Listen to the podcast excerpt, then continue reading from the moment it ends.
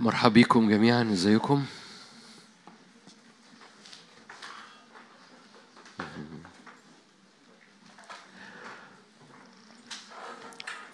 من وقت المؤتمر عمالة بتجيلي اختبارات ف بشجعكم حتى الأربع اللي فات اختبارات شفاء قوية ف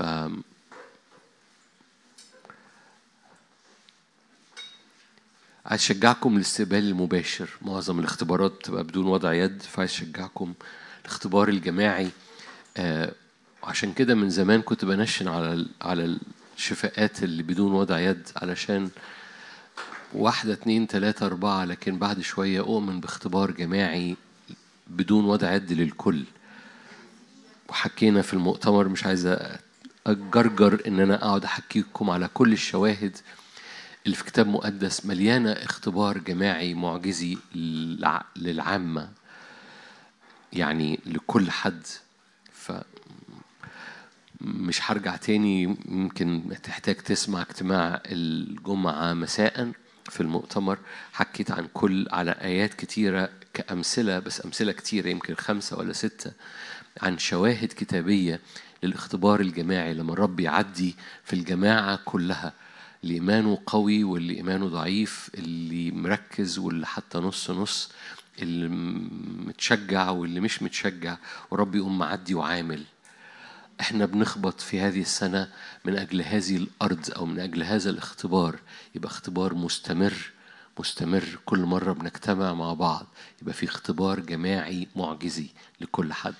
سيادة معجزية هيمنة معجزية شفاء معجزي للكل. لم يكن عاثر أش- أشهر آية. لم يكن عاثر في وسطهم حصل معجزة جماعية لكل هذا الشعب اللي متغطي بدم الحمل.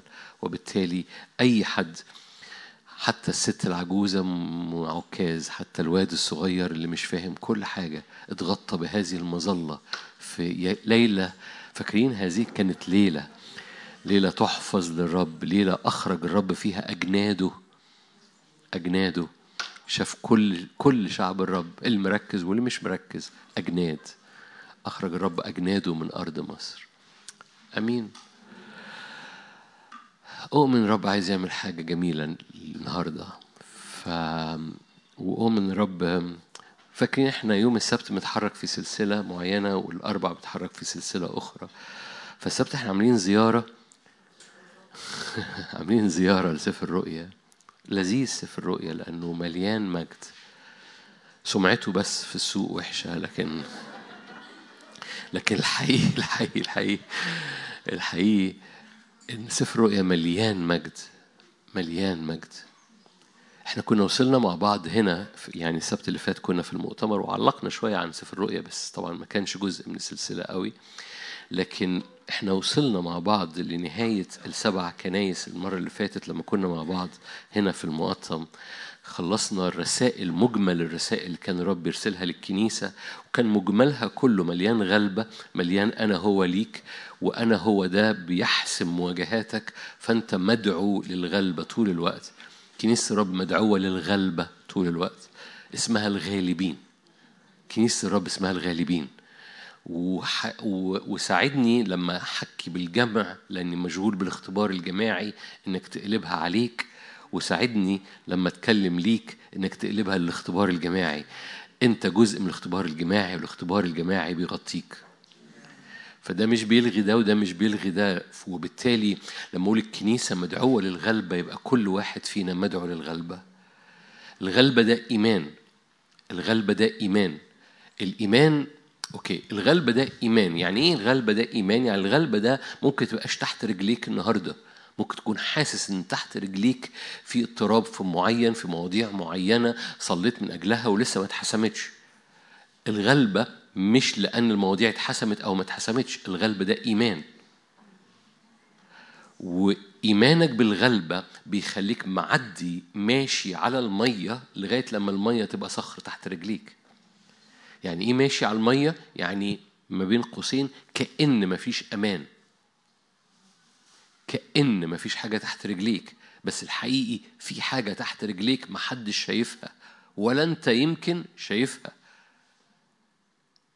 المؤكد أنت مش حاسسها لكن أنت مصدقها. اسمها الإيمان. ففي أرض تحت رجليك اسمها كلمة الرب لأن الإيمان هو بالكلمة. هو شخصية الرب هو طبيعة الرب هو شهادة الروح القدس. الإيمان بيأتي من شخصية الرب من كلمة الرب من عمل الروح القدس جواك. okay هقولها مرة تاني احتياطي. الإيمان بيأتي من شخصية الرب من كلمة الرب من عمل الروح القدس جواك. الإيمان okay أبتدي من من الأخيرة أبتدي من الأولانية أبتدي من الأولانية. طبيعة ربنا هي جزء من إيمانك. شخصيته إيه الشخصية اللي أنت مؤمن بيها؟ هل هو أمين؟ هل هو صالح؟ هل هو أب؟ هل هو راعي؟ هل هو يخلي بيك؟ هل دي طبيعته؟ أعرفها من فين؟ أعرفها من الكلمة طبعا أعرفها من وتعرفها من من ال من ال من ال من ال أقول لك تعرف الشخص مش بس من كلامه لكن من علاقتك معاه. وبالتالي نمرة واحد في إيمانك مربوط بشخصية إلهك. باسمه.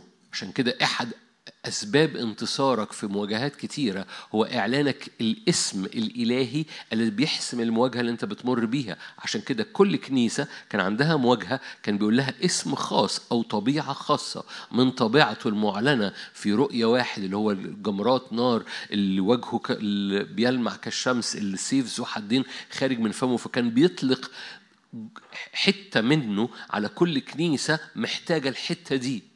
وبالتالي كل مرة في مواجهة معينة بتعلن الاسم اللي أنت محتاجه مش محتاج أقول لك لو أنت عندك مرض محتاج تعلن مين في البيت.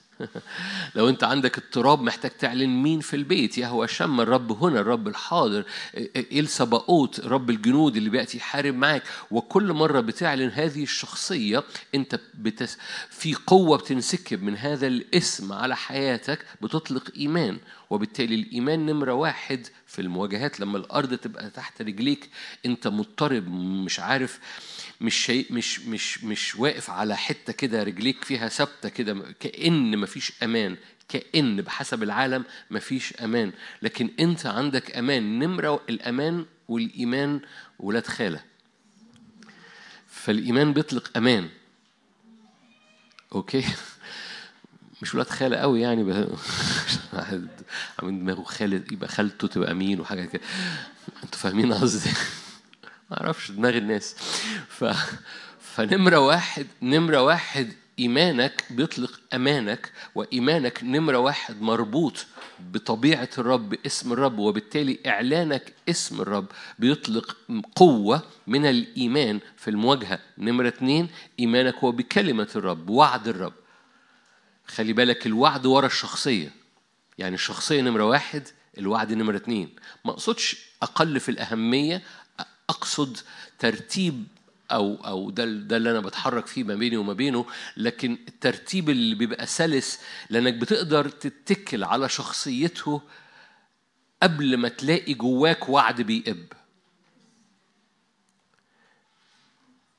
okay يمكن كل واحد وعلامه بس أنا لما ببتدي بإعلان شخصيته في المواجهة بجد وعوده بتبقلل لوحدها. لكن لو أنا داخل بدور على وعد ينطبق على الحال اللي أنا بمر بيها بعمله بلاستيك بطلع آية من دماغي. أنا مش عايز آية من دماغي أنا عايز آية تجيب جون. أنا مش عايز أي آية تطلع أنا عايز الآية اللي بترتز في جبهة جولياط وتأتي بنتيجة. فببتدي بإعلان شخص شخصية الرب. ببتدي بإعلان الاسم اللي بي بيتحرك بيرف على المواجهة اللي أنا بمر بيها. وأنا بعلن هذا الاسم في حاجة بتبقلل جوايا من وعود هذه الشخصية. فبينفجر ال level التاني جوايا من الإيمان لأن الإيمان بشخصية هذا الإله اللي بعبده الإيمان نمرة اتنين بوعود هذا الإله اللي أنا بعبده الإيمان نمرة ثلاثة هو بعمل الروح القدس. بالمناسبة الإيمان هو ثمار للروح القدس ومواهب للروح القدس. الإيمان هو الوحيد الموجود في الليستتين يعني إيه؟ الروح القدس بيطلع مواهب وبيطلع ثمار. يعني إيه عمليا؟ يعني الروح القدس طول ما أنت متحرك مع الرب الروح القدس وعمال يطلع ثمر والثمر بياخد كده زي ما يكون وقته. بياخد زراعة وحصاد. ماشي؟ المواهب بوم. فالروح القدس عارف إنك في بعض أحيان بتحتاج تنمي إيمانك وفي مواجهات بتحتاج بوم إيمانك. فاهمين يعني إيه بوم إيمانك دي؟ فالروح القدس بيطلق الاثنين ال ال ال ال الأمر الوحيد اللي الروح القدس بيطلقه كثمر وبيطلقه كهبة مواهب روحية هو الإيمان. عشان أنا محتاج الإيمان المستمر لأن البار بالإيمان يحيا. فأنا بحتاج الإيمان في كل أمر في كل مواجهة في كل حاجة أنت بتصلي من أجلها وما زالت الأرض مية ما زالت الأرض مش صلبة تحت رجليك فأنت بتحتاج إيمان في المسير لأنك بتمد رجليك ولسه الدنيا تلاقي تحط كده رجليك وتلاقي الأرض لسه بتلعب تحط رجلك الخطوة الثانية والأرض لسه بتلعب. أنت محتاج إيمان خارج بالروح القدس بثمر الروح القدس عشان تمشي خطوة ورا الثانية ورا الثالثة بقى تخش في مواجهة. انت بقى مش محتاج ثمر يطلع ياخد راحته. انت محتاج هبة تنفجر في اللحظة. وبالتالي الإيمان هو كمثال سفر الرؤيا. ليه ليه سفر الرؤيا دايما أو في مدارس في مدارس في سفر الرؤيا بتطلع خوف وسط الناس. لأنه هذه المدارس تركيزها هو في تفسير الأحداث. الإيمان مش بي مش بينتج من تفسير الأحداث الإيمان بينتج من إعلان إلوهيم اللي بيو بي بيسيطر على الأحداث. هقولها مرة تاني. في في مدارس بتركز عن تفسير كل نبوة في سفر الرؤيا.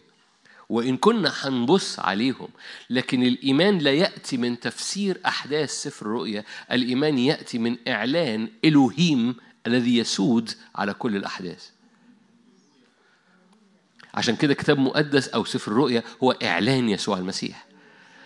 فالقص فكل ده الهدف من سفر الرؤيا وإن يعني الهدف من سفر الرؤيا هو إعلان إلوهيم ال ال ال الذي يسود على الأحداث واللي بيطلع عروس غلبة.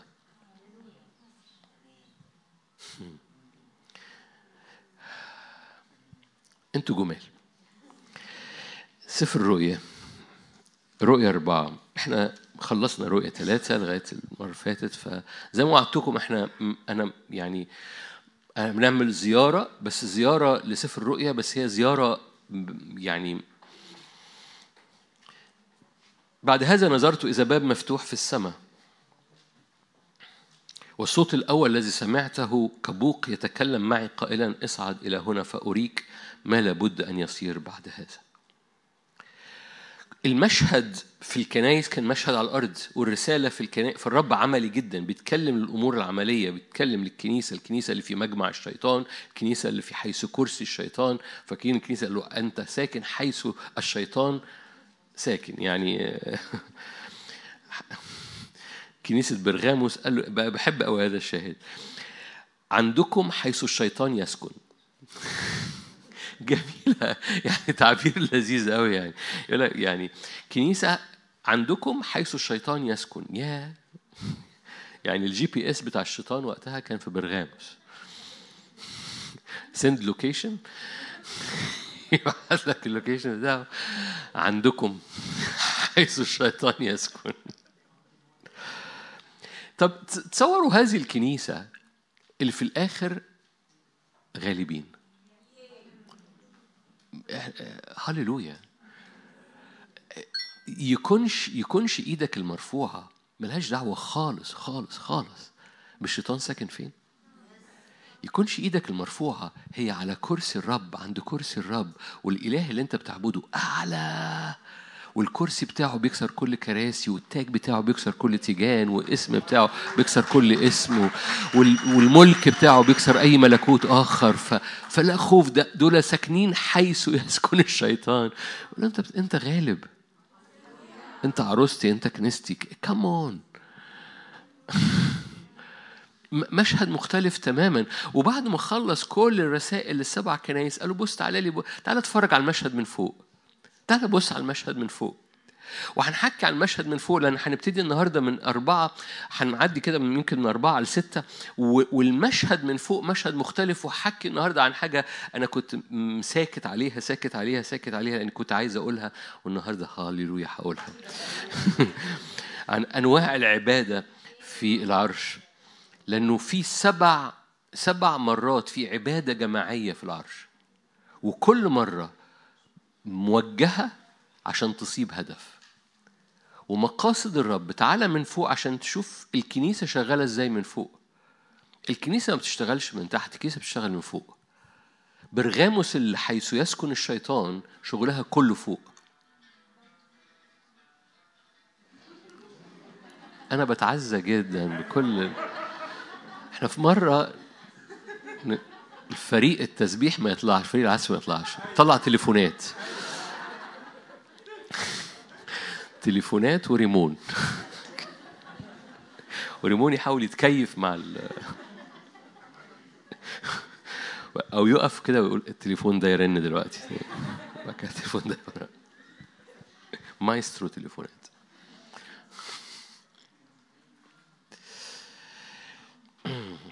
فبرغاموس اللي اللي عندهم يسكن الشيطان شغلها اللي حاصل شغلها من العرش. و و ولو في درس من الدروس أو محور من محاور زي ما حكيت لكم من أسبوعين في الأغلب إن في محاور كتيرة في سفر الرؤيا يمكن الأسبوع اللي جاي. فاكرين لما قلت لكم محاور وفي محاور في مصر ففي محاور في العر في محاور في سفر الرؤيا فيمكن الأسبوع الجاي نحكي عن أربع محاور. ففي أربع محاور ماشية في سفر الرؤيا هي اللي بتحرك ديناميكية انتصار الكنيسة في كل سفر الرؤيا لأن في محاور ماشية أحد المحاور اللي شغالة في سفر الرؤيا هو إن السفر إن الكنيسة شغالة من فوق. عشان كده كثيرين بدون دخول في حرفية التفسير كثيرين بيروا إن الكنيسة مش موجودة في سفر الرؤيا الكنيسة موجودة في حتة تاني. ليه؟ لأنه حاجات كتيرة الكنيسة شغالة من فوق. حاجات كتيرة الكنيسة شغالة من فوق. بس أنتوا مدركين وإحنا فاهمين بحسب الإعلان عمال بيزداد في بقاله فترة وعمال بيزداد في هذه الأزمنة إن الكنيسة وهي على الأرض شغالة من فوق. فشغل الكنيسة من فوق مش لأنها خل... بقت فوق. شغل الكنيسة من فوق جاي لأن إيمانها وسكناها وجلوسها هي في الجالس على العرش عن يمين الآب أجلسها معاه في السماويات وهي لسه الجسد بيضع أعدائه موطئا لقدميه. فالكنيسة الجالسة في الرأس لها سلطان على الأعداء في الأرض. فبرغاموس اللي جالسة في المسيح يسوع لها سلطان حيث الشيطان يسكن. فشغل الكنيسة شغال من فوق فبعد ما وصل له كل الرسالة قال له بص اطلع لي من فوق عشان أوريك المشهد من فوق. المشهد من فوق ملوش دعوة خالص خالص خالص. وكتير عشان كده ناس كتير تقول بتقولوا كلام كبير المشهد من فوق ملوش دعوة خالص بالمشهد من تحت. أذكرك بمشهد صغير أنا مشهد صغير في أشعيا ستة كلنا عارفينه كلنا فاكرين في أشعيا ستة؟ إيه اللي بيحصل في أشعيا ستة؟ هللويا اللي أنتوا قلتوه ما سمعتوش بس أنا بقول هللويا على اللي أنتوا قلتوه. اشعياء ستة إيه ده؟ رأيت السيد جالس على كرسي عالي مرتفع تمام؟ فاكرين؟ فاكرين السرافين بتقول إيه؟ ماشي قدوس قدوس قدوس ماشي؟ مجده إيه؟ هو مجده ملء كل ده في اشعياء ستة قبل الصليب. مجده ملء كل الأرض هو ده عيان؟ آه بس من فوق ده عيان.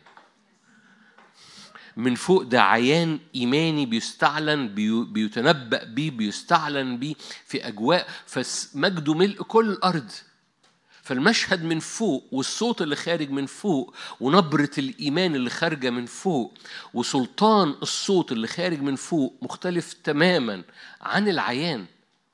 فكتير كثيرين لأنهم مليانين بالعيان ومتصورين الكنيسة بتحارب من تحت. بيقولوا الكلام ده ملوش أي معنى ملوش ملوش أي معنى بحياتي العملية برغم إنه هذا هذا الشغل كل الكنيسة من فوق من مشهد من فوق بيعلن حاجة مش موجودة على الأرض.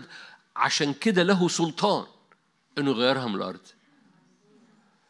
لو أنا يغيرها على الأرض من فوق. لو أنا بصلي من تحت العيان مليني لو أنا بتواجد في المكان اللي رؤية وخلي بالك المحور ده مكمل هحكي عليه النهارده شوية بتفصيل والأسبوع الجاي هحكي على الأربع محاور الأساسية آه، مش هركز على المحور اللي هركز عليه النهارده لأن أنا هتكلم عليه النهارده. ففي محور أساسي إن الكنيسة لازم تطلع لفوق عشان تنظر الأحداث من فوق عشان يبقى ليها سلطان في سفر الرؤية. فالمشهد دايما من فوق والمشهد دايما من فوق مختلف. المشهد دايما من تحت مليان حاجات كتيرة مليان حاجات كتيرة بس المشهد من فوق مختلف. ثبات الكنيسة عينيها وقلبها وعبادتها مركزة في المكان ده. اصعد إلى هنا فأريك. مركزة في المكان ده. بيحرك الكنيسة في محور مفهوش مطبات مفهوش إشارات مفهوش أي أي أي أفلات بيحركها في مكان الصوت فيه مختلف الانتصار فيه مختلف الثبات فيه مخ... م... م... مش طالع نازل مش مطبات مش مش احتماليات هو في المحور. وزي ما يكون في المحور أنا باخد المعنى من المحاور الطبيعية. زي ما يكون في المحور ما عندكش عربيات بتكسر يمين وشمال لأنك أنت في المحور. ما فيش ما فيش أنت لغاية لما تخلص المحور أنت في المحور. هتفهم حاجة؟ فاهمين قصدي يعني؟ أنا بقول مثل أرضي يعني. فحضرتك بتركب الطريق من أوله عشان توصل لآخره. أنتوا بتمشوا شوارع مصر ولا؟ أوكي. في محاور بقت في مصر. ده دعاية عن إخواتنا اللي بيعملوا شغل مهم في الموضوع ده. وبالتالي في حركة في حركة بتتحرك فيها الكنيسة. هو يكونش ده الطريق المقدسة فاكرين؟ الطريق المقدسة. يكونش ده الكتاب المقدس قعد يتنبأ عليه يتنبأ عليه يتنبأ عليه. يكونش ده اللي يسوع قاله في يوحنا 14 لما قال لما أنا أصعد أعد لكم مكانا وأرسل و... و... فآتي وأخذكم. وكان بيتكلم عن الروح القدس. فتعلمون إلى أين أذهب وتعلمون الطريق؟ هو ما كانش بيتكلم عن المجيء التاني كان بيتكلم عن سكيب الروح القدس اللي بياخدك لفوق فأكون حيث فتكونون حيث أنا وتعلمون الطريق. حركة الروح القدس على حياتك بتاخدك للحتة المرتفعة اللي فيه بتتحرك في highway في طريق مرتفع في السماويات منه بتعرف ماذا يريد الرب منه بتعرف الطريق منه. ده, ده اللي يسوع قاله أنا بعد ليكم ال highway ده الطريق ده المكان ده في بيت أبي. وهذا المكان الموجود في هذا الملكوت بيحركك في ستة في سكة مختلفة تماما عن الطبيعي. مش منطقي. لو أنت موجود في أشعيا ستة لو أنا أشعيا بغبائي هقوم مسكت السرافيم أقول لهم عندنا أخبار جاية من تحت. مجده مش ملء الأرض. عزة مات؟ ماشي؟ سنة وفاة الملك عزية العزية مات وفي أصنام تحت. فأنتوا عندنا أخبار يا سرافيم من تحت جاية بتقول مجده مش ملء كل الأرض. عايزين تقول مجده ملء السماوات؟ okay بس مجده مش ملء كل الأرض. no no. المشهد من فوق مجده ملء كل الأرض. والصوت اللي لازم يخرج من فم الكنيسة ملوش دعوة بالعيان هو ليه دعوة ب... ب... لو لو. لو رنمت التر... كيف فاكرين كيف نرنم ترنيمات أورشليم من بابل؟ بابل ده system العالم ترنيمات أورشليم ده أورشليم السماوية خد الآية دي وحطها في العهد الجديد أنتوا جمال عارفين عارفين الآية دي؟ سفر المزامير. إزاي نرنم ترنيمات صهيون في بابل؟ صهيون ده المكان العالي المرتفع ده جبل الرب.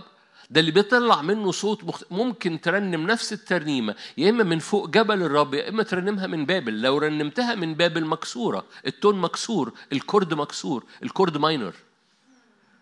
A minor. ف... فلو رنمتها من بابل طبعا المسبحين ورا بيرموني بالطوب. فلو رنمتها من بابل ال chord مكسور. لو رنمتها من فوق الجبل ال chord تاني خالص. تبقى نفس الترنيمة. بس دي بتجيب جون ودي بتقع عند رجليك. دي بترتز في جبهة جولياط ودي بترمي حصى في بتلعب بلي. والمشهدين مختلفين تماما. يمكن تبقى نفس الترنيمة لكن إزاي نرنم ترنيمات صهيون؟ في بابل ما ينفعش. هتبقى نفس الكلمات ونفس التون بس خارجة من هنا على ضفاف بابل مكسورة واقعة. عشان كده الكنيسة سفر الرؤيا بيعلمنا هذا المحور انت متثبت في العرش متثبت في العرش. خليني أقول كنت مشغول بحاجة ملهاش دعوة بالمشاركة بس لأني كنت مشغول بيها هقولها. يلا. يمكن نفصصها في مرة. أنت محتاج تعمل شغل قبل ما تبتدي تصلي. تعمل شغل جواك قبل ما تبتدي تصلي. إيه الشغل اللي جواك؟ انك إنك بت بتلبس الهدوم بتاعه الشغل ده بتوقف نفسك في المكان صح بتروح الشغل. فقبل ما تشتغل صلاة بتروح الشغل بتروح الشغل يعني تلبس هدوم معينة بتقف في مكان شغلك ففي preparation في إعداد قبل ما تفتح بقك وتقول باسم الأب والابن. لو جاز التعبير يعني. ماشي؟ إيه الشغل ده؟ مربوط بالمكان مربوط بال location مربوط بالهدوم مربوط بالراحة الداخلية مربوط في الهوية إنك موجود في الإبن. ممكن نعملها في مرة ونستفها في مرة كده بتعليم ال preparation الإعداد قبل ما تقول باسم الأب والابن.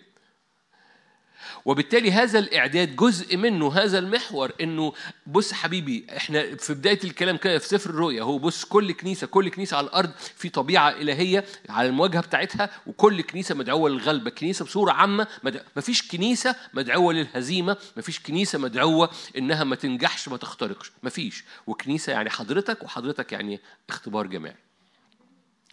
بس بقى بص تعالى لي اطلع لي فوق.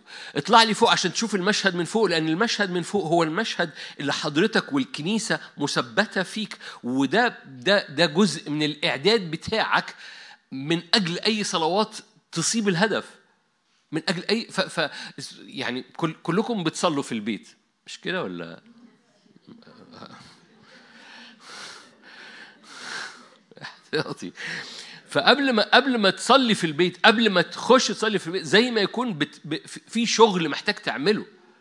وكل ما رجليك بتاخد على الشغل ده بتعمله اوتوماتيك وبتعمله بسرعة. ما بتفكرش في بعض الحين لو انت بتنزل شغلك كل يوم فانت ما بتفكرش وانت بتلبس هدومك ما بتفكرش وانت في بعضكم لو انت بتسوق رايح الشغل ما العربية بتاخدك. انت انت حافظ السكة. لو انت بتركب المواصلة انت بتسرح في المواصلة لغاية لما تلاقي شغلك. ف... فالقصة انك بعد شوية وانت بتعد نفسك للشغل اللي اسمه صلاة بعد شوية بس طبيعي تلقائي. بس بس في شغل لازم تعمله قبل ما تعمل الشغل الصلاة ده. في في حاجات لازم تعدها بريباريشن إعداد. منها انت واقف فين وانت بتصلي؟ لابس إيه وانت بتصلي؟ هو انت مين أصلا؟ انت موظف في الشركة دي ولا لأ؟ انت لابس هدومك ولا لأ؟ انت في المكان بتاع الشغل ولا لأ؟ قبل ما تروح الشغل وتخش. فحضرتك الهوية بتاعتك الثياب بتاعتك ال location بتاعك مهم جدا قبل ما تقول باسم الأب والابن. فجزء منها إن الكنيسة ده ال location بتاعها. ودي أنا أنا عمال بكرر نفسي بس ده ده مهم قوي في المشاركة بتاعت النهارده لأن ال location ده هو اللي هيطلع العبادة اللي هحكي عنها بعد دقايق بس ال location ده حضرتك متثبت. يعني ال ال في مركزية وجودنا في العرش. حضرتك متثبت في العرش وفي ثلاث حاجات بتثبتك في العرش من دلوقتي. أوكي. هقول الجملة دي بسرعة أبطأ. في ثلاث حاجات مثبتاك مثبت انت متثبت في العرش من دلوقتي. وفي ثلاث حاجات في سفر الرؤيا مثبتاك في العرش من دلوقتي. فحضرتك مش في العرش إن شاء الله حضرتك في العرش من دلوقتي. أنا ببطأ عشان حضرتك مش في العرش إن شاء الله. أنا آسف. نطلع الفريق عشان يرنم على الترنيمة دي. بشترك معاكم برضو يعني مش معقول. أنتوا بس اللي ترنوا يعني أنا هرن كمان. اختبار جماعي.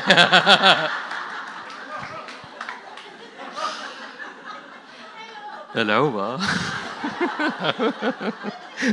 يعني انحني قدامها يعني. من عامة الشعب يعني. ما فيش فرق كليروس وشعب ما اختبار جماعي.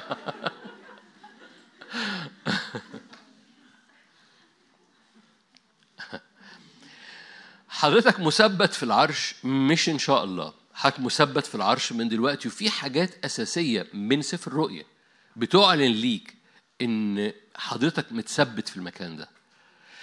بمعنى إيه؟ برضو أنا حريص أكون واضح.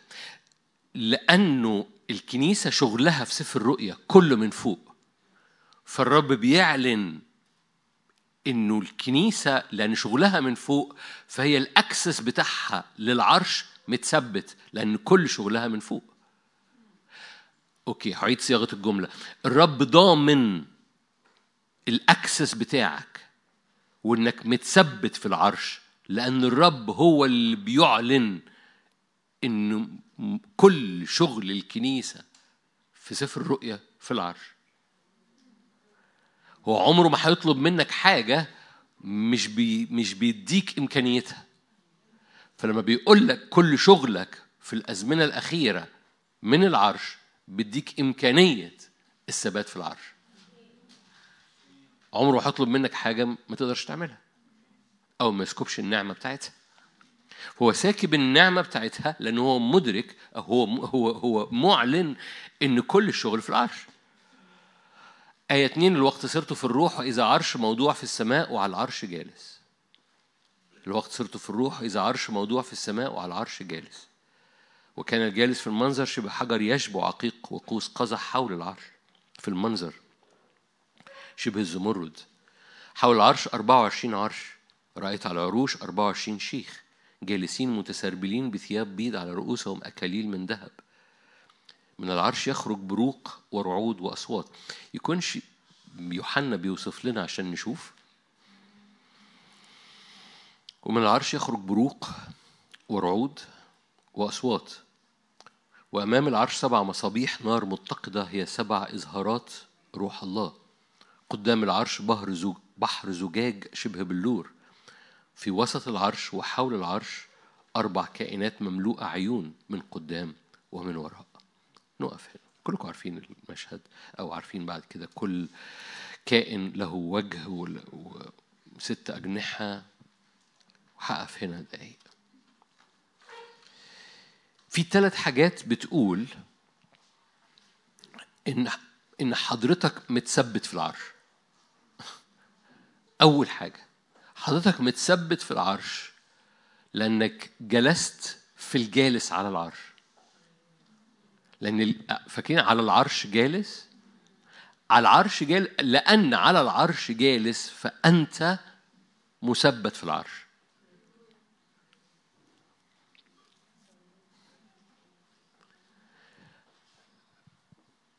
في التجسد قصة على العرش جالس بدأت بالتجسد. فاكرين لو حضرت المؤتمر هتبقى مدرك دي.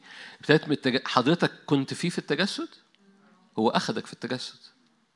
فأخدك وهو عايش بطاعة بالروح عشان يقول إن حياة طاعة بالروح موجودة ليك وأنت في الجسد. وبعد كده أخد أخدك في الصليب صح؟ حد مسيحي هنا؟ لو أنت مش مصدق إنه أخدك في الصليب فأنت مش مسيحي. هو أخدك في الصليب.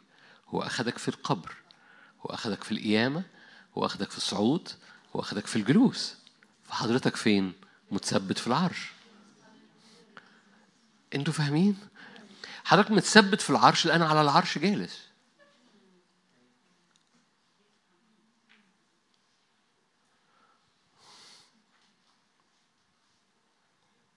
سلام. لأن في حد جالس على العرش. وهذا الحد هو ابن الله ابن الإنسان الممجد. لأن على العرش جالس اللي تجسد وأخدك في التجسد أخدك في الصليب أخدك في القبر أخدك في القيامة أخدك في الصعود وجلس عن يمين الآب لأنه جالس على العرش فأنت متثبت في العرش. لو ما فيش حد جالس على العرش أنت تشك. لأن الجالس على العرش أنت فيه. مش محتاج أقول لك المسيح فيكم. لأن اللي جالس على العرش أنت فيه.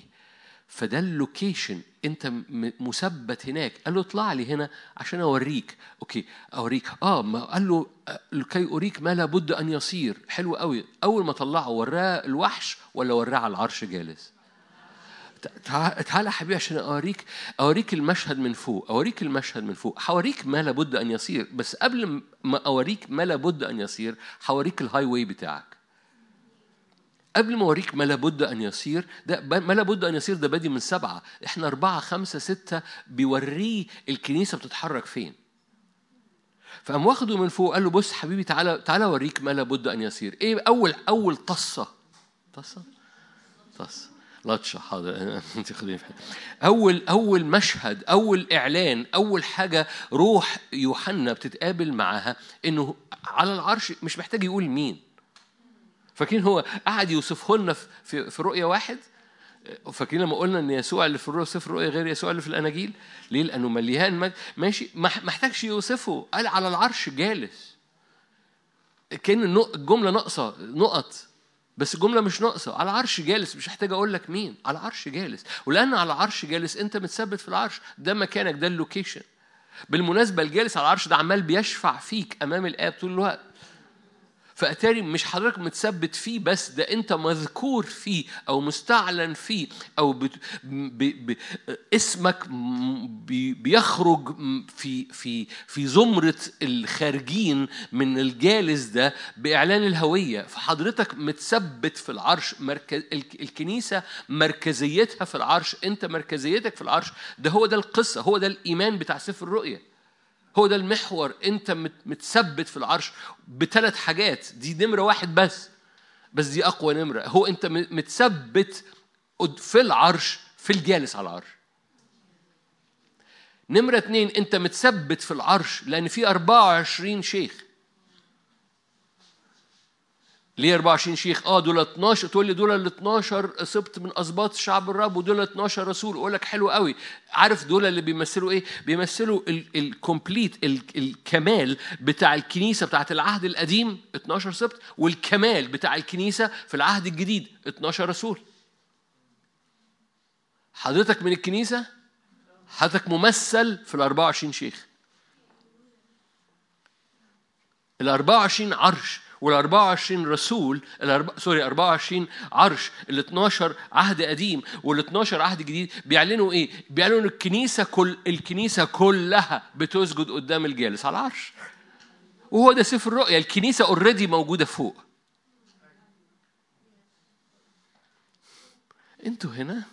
فحضرتك مش متثبت في العرش لأن في على العرش جالس وأنت فيه لكن حضرتك متثبت في العرش لأن قدام العرش بتسجد الكنيسة كلها عهد قديم وعهد جديد.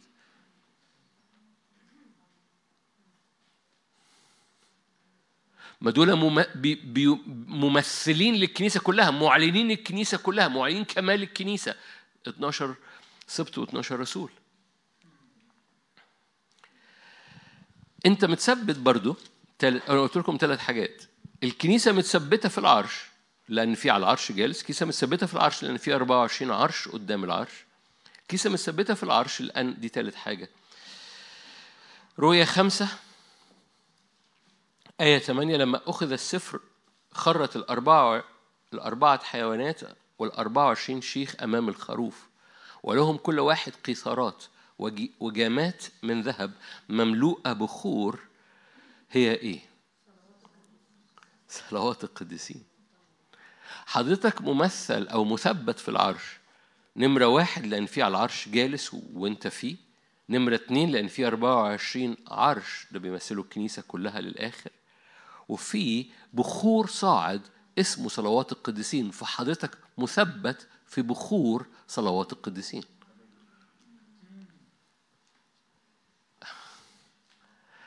أوكي. عشان تتفهم صح لأنك لو ما حضرتش المؤتمر. في في حركة الرب يطلقها في الأزمنة الأخيرة اسمها حركة القديسين. القديسين دول بيصلوا؟ صلواتهم مش في الأرض. صلواتهم بخور صلوات القديسين موجود قدام العرش.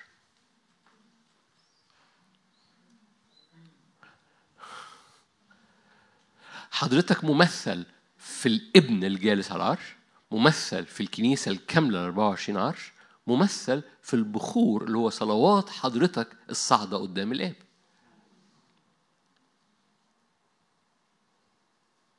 كل مرة حضرتك بتصلي هذه الصلوات مش بتضارب الهواء مش بتوصل لسقف الأوضة وتنزل تاني. هذه الصلوات بيرفعها الرب بترفع للرب بالروح القدس أمام العرش وتقدم قدام العرش صلوات اسمها صلوات القديسين المخصصين المرفوعين المرتفعين المخصصين للرب خاصة الرب.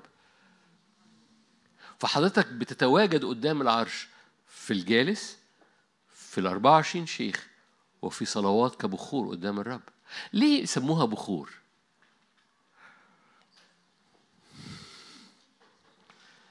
أو ليه البخور؟ كهنة. طب ليه ليه الكهنة بخور؟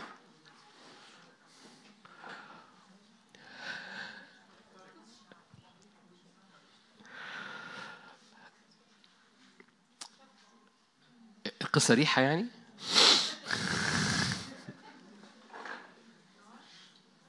العرش آه آه، ليه بخور؟ طيب؟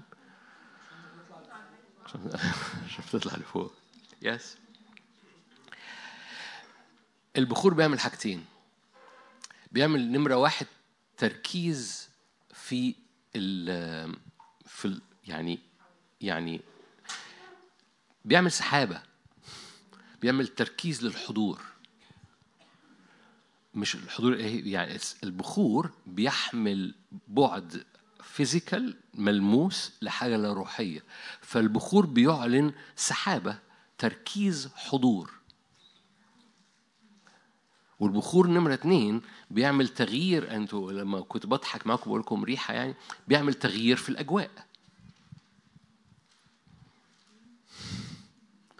صلوات القديسين بيأتي عليها تركيز في الحضور ونتيجتها تغيير في الأجواء.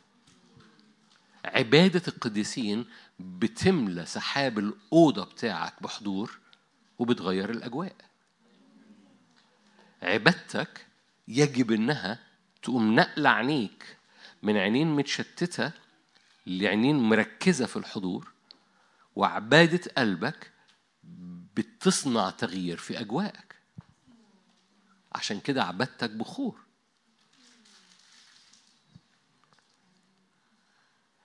العبادة الخر... ليه ليه الناس بتتشجع في الاجتماعات وبالذات لو الاجتماعات مليانة عبادة مثل اجتماع السبت بصورة خاصة؟ ليه؟ لأنه العينين اللي جاية من أفكار وفطار و... ومش عارف إيه وماتش كورة ومش كنت على التليفون مع حد عمال بيقول عن ماتش كورة. ف... ف... قبل ما يجي. ف... فالعينين اللي مليانة كل الحاجات دي والأفكار دي بيخشوا قدام الرب وبنقول قدوس قدوس فجأة يحصل فوكس. فيحصل تركيز على الحضور ويحصل تغيير في أجواءك. فتبقى جاي مضطرب يحصل تركيز في أجواءك. العبادة بتعمل كده. عشان كده هيشجعك إيه أخبار صوتك في الأوضة؟ إيه أخبار صوتك في العربية؟ ما زلت ما زلت بقابل ناس بكتشف إن هم لسه ما بيطلعوش صوت من العبادة في الأوضة. صوت يسمعوا باقي أفراد أسرتك. ما تتكسفش. بليز ما حدش فيكم كبر بقى قديم الأيام أو عجز أو أصغر من إن صوته يطلع بعبادة قدام الرب حتى لو سمعها باقي أفراد أسرتك. ما زلت أصغر من قديم الأيام. فما زال ممكن يتعبد. وما زلت لو مش عايز أقول أقل ما زلت ما زال عندكم مثال اسمه داوود لما عبد الرب برقص وميكال أفراد أسرته اتريقوا عليه. وقال لهم أنا ما عنديش مشكلة إنكم تتريقوا عليا أنا أتصغر قدام الملك. وبالتالي ما انتاش أكبر من إن صوتك يطلع وباقي الأسرة يسمعوه أو ما انتاش تحتقر لأن صوتك طلع وسمعوه. الاثنين ريلاكس بس في حاجة مهمة إن صوتك يملأ أوضتك، صوتك يملأ العربية بعبادة، بحمد، مش شرط ترانيم، ممكن تطلع جمل جمل جمل من العبادة والتعظيم، العبادة يعني أنت بتعبد المعبود. بالمناسبة اسمه معبود. وبالتالي بي بي بي بتخرج كلماتك وبتخرج ترانيمك وبتخرج صلاح الرب ووجود الرب وإعلانك للرب أنت بتملأ أجواءك لأن البخور الصاعد ده بيغير الأجواء وبيركز الحضور فحضرتك ممثل يعني حتة جانبيه بس نرجع ممثل نمرة واحد في الجالس على العرش ممثل نمرة اثنين في ال 24 شيخ ممثل نمرة ثلاثة في الصلوات اللي خارجة قدام العرش فحضرتك متثبت في المكان ده كل مرة بتصلي محتاج تذكر نفسك أنت هتصلي من فين؟ من بابل ولا من صهيون؟ هترنم من فين؟ من صهيون كيف نرنم ترنيمات صهيون في بابل؟ ما ينفعش. لازم ترنمها من من صهيون لازم تصليها من صهيون. اطلع إلى هنا يا يوحنا عشان تشوف الشغل اللي بيحصل من فين. الشغل بيحصل من هنا حبيبي. بص بيبتدي من فين؟ عارف اللي هيحصل؟ ابتدي من هنا. في واحد جالس على العرش وفي 24 شيخ قدامه وفي بخور صاعد ليه؟ لأن في أجواء خارجة وفي صوت خارج من العرض من العرش مليان رعود ومليان بروق. يعني إيه؟ مليان مواجهات مع أرواح الشر ومليان اختراقات مليان لأن الرعد والبرق كده. هو آه، حاجة ما بين طبقات سخنة وطبقات آه، ساقعة فبيحصل مواجهة بتطلع هذا الصوت من الرعد. وال- والبرق ده الرعود والبروق دايما معاها بعد استجابة على حساب إبليس الرعود والبروق. فحوالين العرش أصوات ورعود وبروق لأن في حاجة في صورة ديناميكية العرش مش تابلو محطوط على الحيطة عندك ترشم الصليب قدامه. العرش حاجة ديناميكية أنت جزء فيها وأنت داخل فيها وجزء من كيانك وخارج منها لحياتك اللي في الأرض حاجات كتيرة أوي. okay أنا هوقف نفسي عشان في رؤية أربعة أول أول خط من أخ- قلت لكم أنواع العبادة في العرش. أول عبادة أوكي؟ مستعدين؟ عشان الوقت. عشان الوقت. أول عبادة. رؤية أربعة. هتحتاجوا تركزوا معايا. آية 8 الأربع كائنات لكل واحد منها ست أجنحة حولها ومن داخل ملقانة عيون ولا تزال نهار ولا قائلة. خلي بالك بقى ده ده عبادة جماعية بقى اللي حصل. عبادة من السماء الكنيسة اللي متثبتة فوق متحدة معاها. قدوس قدوس قدوس الرب الإله القادر على كل شيء الذي كان الكائن الذي يأتي. حينما تعطي الكائنات مجد وكرامة وشكر للجالس على العرش الحي إلى أبد الآبدين خلي بالك. حينما تعطي الحيوانات مجد وكرامة وشكر للجالس على العرش الحي إلى أبد الآبدين يخر الأربعة وعشرين شيخ دول الكنيسة قدام الجالس على العرش ويسجدون للحي إلى أبد الآبدين ويطرحون أكاليلهم أمام العرش قائلين أنت مستحق أيها الرب أن تأخذ المجد والكرامة القدرة لأنك أنت خلقت كل الأشياء وهي بإرادتك كائنة وخلقت. دي أول خط عبادة حاصل في السماء من الكنيسة. ده أول خط عبادة. خلي بالك التركيز في هذه العبادة مرتبط بأجواء المجد بأجواء الحضور بأجواء المهابة. فما ما لا يستطيع السرافيم الموقفين قدام الرب غير انهم يقولوا اللي موجود في اشعياء ستة قدوس قدوس قدوس. ولما يطلقوا هذا خلي بالك أنت فاكر أنت مدرك إن هم بقالهم كتير بيعملوا الشغلانة دي؟ خدتوش بالكم. بقالهم كتير بيعملوا الشغلانة دي. يعني يعني أول إعلان قالوها في أشعيا. هم بيعملوها من قبل أشعيا ستة مش كده؟ وبعد كده يوحنا بعديها بقد إيه؟ مئات السنين. ما زالوا هم بيعملوها. فهم هم أون. إيه اللي يخلي السرافيم أون من زمان لزمان؟ تصور إنك بترنم ترنيمة واحدة تصور إن ريمون طلع قال نفس الترنيمة لمدة ساعة. أكيد في النص هتروح تشرب شاي وتروح الحمام وتجيب لك سندوتش إخواتنا إخواتنا إخواتنا السرافيم ماشي من البداية للآخر بيرنموا هذه الترنيمة. إيه اللي بيخليهم يرنموا هذه الترنيمة؟ okay أنا عارف إن هو لأنه مستحيل. لأن في حاجة خارجة منه ما بيخرج ما ما الخارج منه ده ما بيطلعش غير قدوس. ال ال خلي بالك وجودنا قدام العرش بيطلع فينا العبادة. وجودنا. من إحنا مركزين في العرش مر... مثبتين في العرش اللي خارج من هذه الأجواء بيطلع هذه العبادة. فهو كل wave خارجة من العرش بتخلي السرافيم بتلقائي قدوس. wave وراها قدوس wave وراها قدوس. طب من إمتى هو العرش عمال بيخرج؟ قدوس. مازال بيخرج قدوس. هيفضل يخرج قدوس. بدون time بره ال time عمال بيخرج قدوس. فهو فاهمني؟ لو جاز التعبير هو اللي خارج منهم هو تجاوب مع اللي خارج من العرش. فما بيقدروش يقولوا غير قدوس. الكنيسة اللي واقفة في هذا المكان اللي واخدة واقفة في المكان ومدركة إنها مثبتة في العرش بثلاث حاجات بالجالس بال 24 شيخ وبالصلوات اللي خارجة بيخرج منها لغة وصوت مختلف. عشان كده يقول لك كده يقول كده حينما تعطي الكائنات حينما آية تسعة خلي بالك من الع... أو من النتيجة الكوزاليتي يعني السبب وال... حينما تعطي الحيوانات مجد وكرامة وشكر للجالس على العرش يخر ال 24 شيخ سجود ال 24 أو سجود الكنيسة جاي من الإعلان اللي خارج من العرش اللي بيخلي السرافيم يخرج قدوس والعبادة اللي خارجة قدام العرش بتخلي الكنيسة تسجد فاهمين يعني إيه causality؟ جاي من cause و effect من سبب ونتيجة ففي سبب خارج من العرش بيخلي نتيجة السرافيم تقول قدوس. السرافيم وهي بتقول قدوس ال 24 شيخ يخروا. ويقولوا إيه؟ أنت مستحق أيها الرب أن تأخذ المجد والكرامة. آية 11 أنت مستحق أيها الرب أن تأخذ المجد والكرامة والقدرة لأنك أنت خلقت كل أشياء هي بإرادتك كائنة وخلقت. هذه العبادة موجهة للخالق. خلي بالك كل خط عبادة موجه لأمر.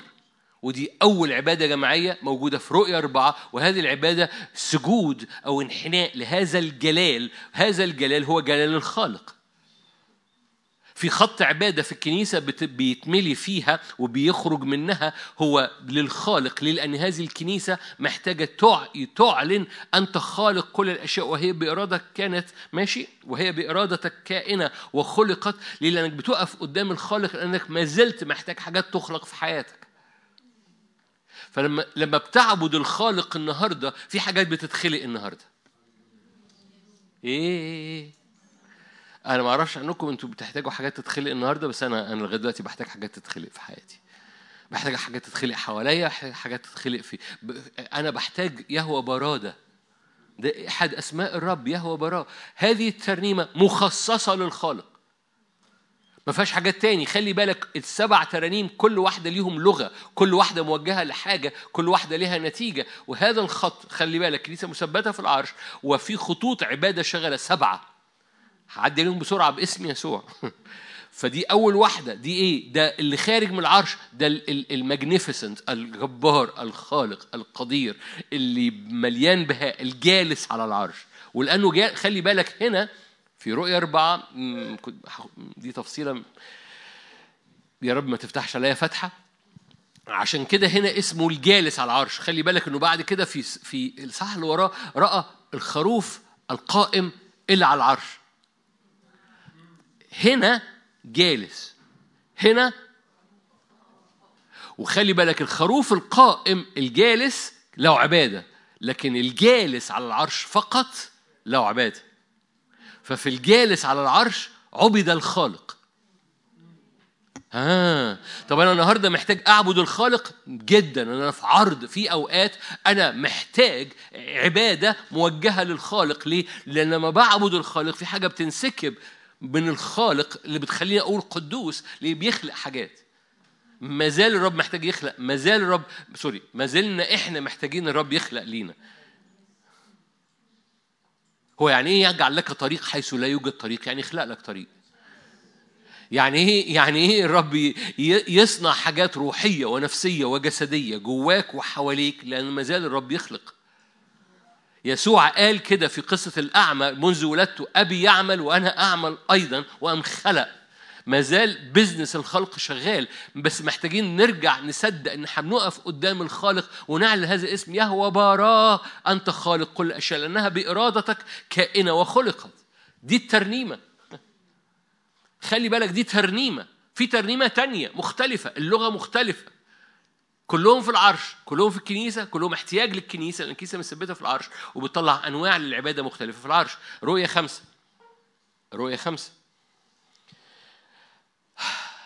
أوكي. رؤية خمسة. آه ده السفر اللي محتاج يتفك ختومه رأيت آية ستة. إذا في وسط العرش والكائنات الأربعة وفي وسط الشيوخ خلي بالك في وسط المشهد ده خروف قائم. كان هو مذبوح له سبعة قرون وسبعة أعين. هي سبعة أرواح المرسلة إلى كل الأرض. أتى وأخذ السفر. لما أخذ السفر خرت الأربعة حيوانات والأربعة وعشرين شيخ. هم فاكرينهم عملوا إيه؟ في صح أربعة؟ خروا. ماشي. عبادة نمرة اتنين رؤية خمسة. ماشي؟ خرر 24 شيخ أمام الخروف. ده مش أمام الجالس على العرش. ليه؟ لأن ال ال ال ال العبادة دي رايحة في حتة تاني. ماشي كمل معايا. وهم يترنمون آية تسعة. وهم يترنمون ترنيمة جديدة. قائلين مستحق أنت أن تأخذ السفر وتفتح ختومه لأنك ذبحت فاكرين نمرة واحد؟ لأنك خلقت كل الأشياء. دي language دي لغة. دي لغة تانية. لأنك أنت خلقت كل sorry لأنك ذبحت واشتريتنا لله بدمك من كل قبيلة ولسان وشعب وأمة جعلتنا لإلهنا ملوك وكهنة سنملك على الأرض. نظرت وسمعت ده, ده اختبار دي عبادة جماعية. ملائكة كثيرين حول العرش والحيوانات والشيوخ وكان عندهم ربوات ربوات قائلين مستحق هو إيه؟ الخروف المذبوح. ده مش ده ده ده ده, ده حاجة موجهة تانية. أن يأخذ القدرة والغنى الحكمة القوة الكرامة المجد والبركة وكل خليقة مما في السماوات والأرض كلها جلست. ماشي؟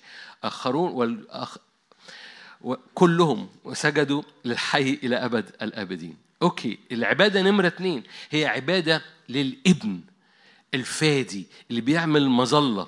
خلي بالك دي لغة تانية خالص. نمرة واحد ده للخالق لأن كل أشياء بإرادة خلق نمرة اتنين الفادي اللي عامل مظلة. اللي فادي حياتي فادي يعني إيه؟ فادي يعني اشترى حياتي لأنك اشتريتنا شايفين اللغة؟ لا إحنا معتادين يمكن على دي بس خلي بالك إن كل واحدة هتبقى مختلفة عن التانية. اللغة هنا لغة خاصة. اشتريتنا يعني إيه؟ بقيت فادي. اشتريتنا يعني بقينا ملكيتك. اشتريتنا يعني أنت سقفنا. اشتريتنا يعني إحنا مش هنخاف لأنك أنت بقينا ملكية ليك. اشتريتنا لله بدمك من كل قبيلة وجعلتنا لإلهنا ملوك وكهنة فسنملك على الأرض. ليه؟ لأنهم بيعبدوا مين؟ هنا. الخروف القائم.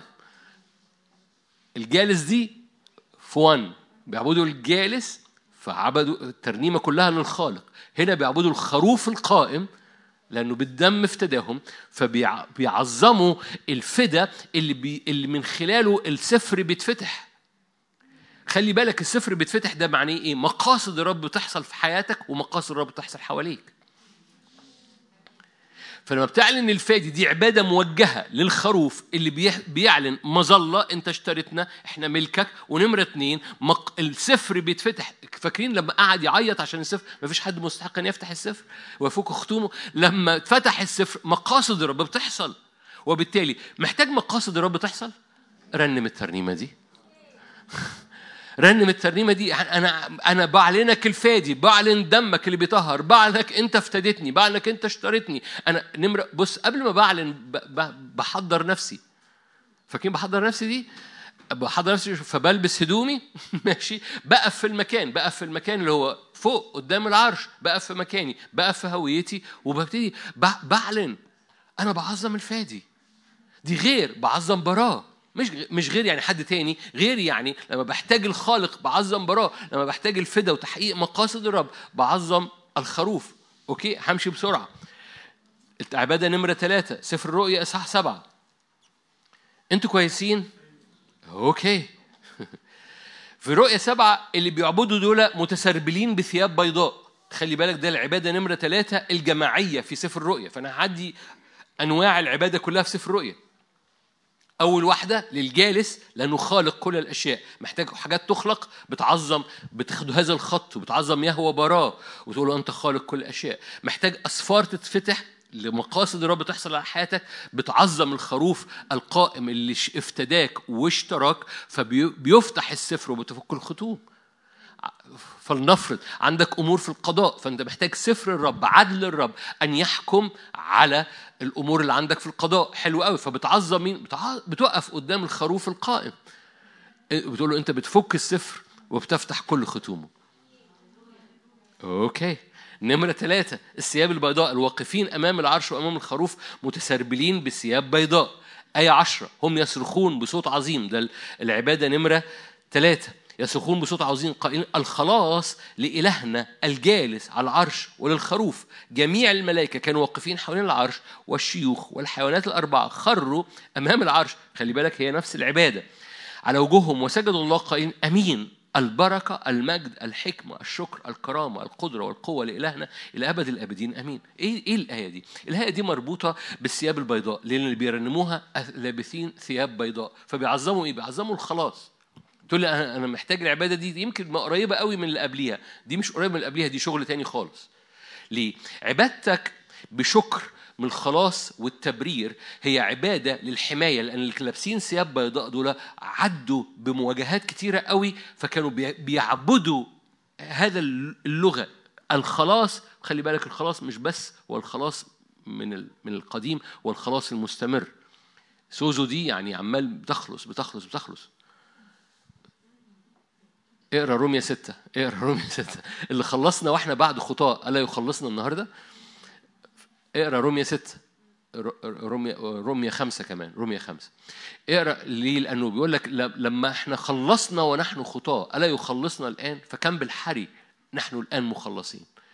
وبالتالي الخلاص حاجة مستمرة مش حاجة حصلت بس في حياتك. فأنت بترنم الترنيمة دي الخلاص لإلهنا الجالس على العرش والخروف. ليه؟ لأنك أنت محتاج هذه الثياب البيضاء اللي بتحميك في كل مواجهة. أوكي أنت فاكريني بوعظ. أنا مش بوعظ أنا عملي جدا. ما أعرفش عنك بس أنا بحتاج حماية لغاية دلوقتي. يمكن لو أنت مش محتاج حماية آآ آآ الله ينور عليك. بس ما أعرفش عنك أنا بحتاج حماية لغاية دلوقتي. فبحتاج أأكد إن ثيابي بيضاء. فبعظم الخلاص. أنتوا جمال. حضرتك بتستمر محتاج حماية. ومع سفر الرؤيا بتحتاج حماية. تفتكر برغاموس دول أنا عارف أنت تسكن فين حيث الشيطان يسكن. كانوا محتاجين حماية؟ كانوا محتاجين ثياب بيضاء؟ يكونش برغاموس كانوا محتاجين الترنيمة دي؟ لأن دول اللي بيرنموها المتسربلين بثياب بيضاء وفي أيديهم سعف نخل دي آية تسعة. فيصرخون بصوت عظيم الخلاص لإلهنا الجالس على العرش وللخروف. خلي بالك الأولانية الأولانية والثانية فاهمين حاجة؟ الترنيمة الأولانية كانت للجالس، الترنيمة الثانية كانت للخروف، هنا للجالس على العرش وللخروف، ليه؟ الخلاص لإلهنا، دي ترنيمة تعظيم للخلاص لأن إحنا محتاجين حماية، محتاجين تبرير، والحماية والتبرير جاية من خلاصك، أنا بنمر بمواجهات عشان نبقى لابسين ثياب بيضاء. فلو أنت بتحتاج أي نوع من أنواع الحماية، أنت بتحتاج هذه الترنيمة ده خط ثالث في العبادة. تعال معايا نروح لخط نمرة أربعة. قلت لك سبع أنواع للعبادة في سفر رؤيا. رؤيا 11 are you here أنتوا حلوين. رؤيا 11 15 أنا معدي بالعرض على العبادة وهرجع تاني ما تقلقش. يعني السبت الجاي هرجع تاني نبتدي برضو. بس أنا بحكي عن خط محور العبادة اللي شغال في سفر الرؤيا وكل ترنيمة جماعية كانت بتخرج كانت موجهة مختلفة عن اللي قبليها. الأولانية عن الخالق الثانية عن الفداء بتاع الابن اللي بيفتح الأختام بيحقق المقاصد الثالثة عن الخلاص الذي يتمم القصد أو يصنع الحماية من ثياب بيضاء على حياتك. نمرة أربعة رؤية 11 بوق الملاك السابع آية 15 فحدث أصوات عظيمة في السماء قال قد صارت ممالك العالم لربنا ومسيحه سيملك إلى أبد الآبدين. على 24 شيخ الجالسين أمام الله على عروشهم خروا. إخواتنا دول إيه؟ اصحاحين وايه؟ ويخروا. عشان كده ده ده ده العبادة في الكنيسة. خروا على وجوههم. وسجدوا الله قائلين نشكرك خلي بالك. خلي بالك من الفرق. خلي بالك من اللغة. نشكرك أيها الرب الإله. ثانية واحدة نشكر الرب الإله القادر على كل شيء الكائن الذي كان الذي يأتي لأنك أخذت قدرتك العظيمة وملكت. غضبت غضبت الأمم فأتى غضبك وزمان الأموات ليدانوا ولتعطى الأجرة لعبيدك الأنبياء والقديسين. والخائفين اسمك الصغار والكبار اختبار جماعي. وليهلك الذين كانوا يهلكون الأرض وانفتح هيكل الله في السماء وظهر تابوت عهده في هيكله وحدثت بروق وأصوات ورعود وزلزلة وبرد عظيم. إزاي الحال؟ دي ولا زي 1 ولا زي 2 ولا زي 3 ولا لغة ولا موجهة زي واحد ولا اثنين ولا ثلاثة ده العبادة نمرة أربعة. العبادة نمرة أربعة مربوطة بإيه؟ قد صارت ممالك العالم لربنا ومسيح فدي عبادة ملوكية. دي عبادة من أجل إعلان الملك. ده عبادة من أجل الملكوت من أجل إتيان الملكوت كما في السماء كذلك على الأرض. فالكنيسة المثبتة في العرش لها نوع من أنواع العبادة. في عبادة للخالق في عبادة للفادي في عبادة للخلاص في عبادة للملك الذي يأتي بملكوته على الأرض. فقد صارت ممالك العالم لربنا ومسيحه فخروا كلهم للإله القادر على كل شيء. ده إعلان المملكة الكائن الذي كان أخذت قدرتك العظيمة وملكت. وعملت حكمك على الأمم ماشي؟ فانفتح هيكل الرب ده السيادة ده الملك وظهر تابوت عهده وحدثت بروق وأصوات ورعود وزلزال وبرد عظيم. في بعض الأحيان تحتاج ملكوت الرب يأتي على بيتك ولا؟ لا؟ ما أعرفش. لكن أنت محتاج هذه العبادة تقوم مسكت نفسك في مسكن نفسك متذكر إنك مثبت قدام العرش وتيجي تعبد هذا الملك وقدرته وجبروته وممكن تفتح بقى رؤية 11 وتستخدم أنا أنا شخصيا معلم عليهم. أنا ما بيني وبينك لو فتحت انجيلي دلوقتي هتجي معلم على دول ليه؟ لأن لما بحتاج واحدة منهم بقوم فاتحها بتساعدني.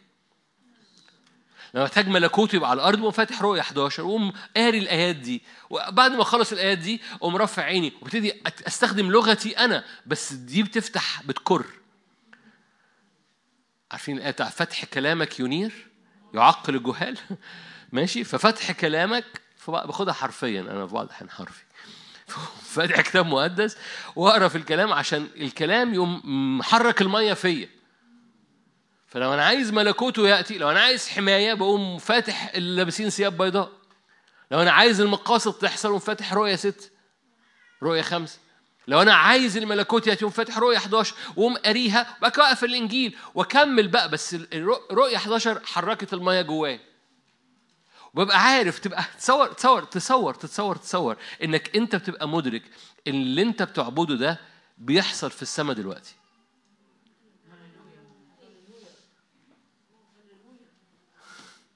فشوية شوية تبقى متشجع. شوية شوية تبقى تبقى مصدق إن صلواتك لها نتيجة لأنك بتعبد اللي حاصل في السماء. يكونش يوحنا سمع اللي حاصل في السماء عشان يقوله لنا عشان نسبح اللي حاصل في السماء عشان كما في السماء يبقى كذلك على الأرض فاللي حاصل في السماء يبقى على الأرض.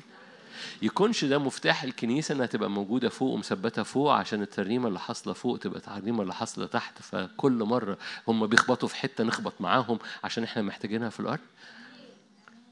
يكونش ده جزء من محاور سفر الرؤيا اللي الرب عايز يعلمنا إياها عشان الكنيسة تفضل مستمرة وسفر الرؤيا يملأنا إيمان مش يملأنا خوف؟ okay. عشان الوقت.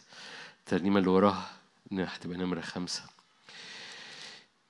رؤية 15 رؤية خم... خلي كل واحدة رايحة حتة موجهة بطريقة تانية.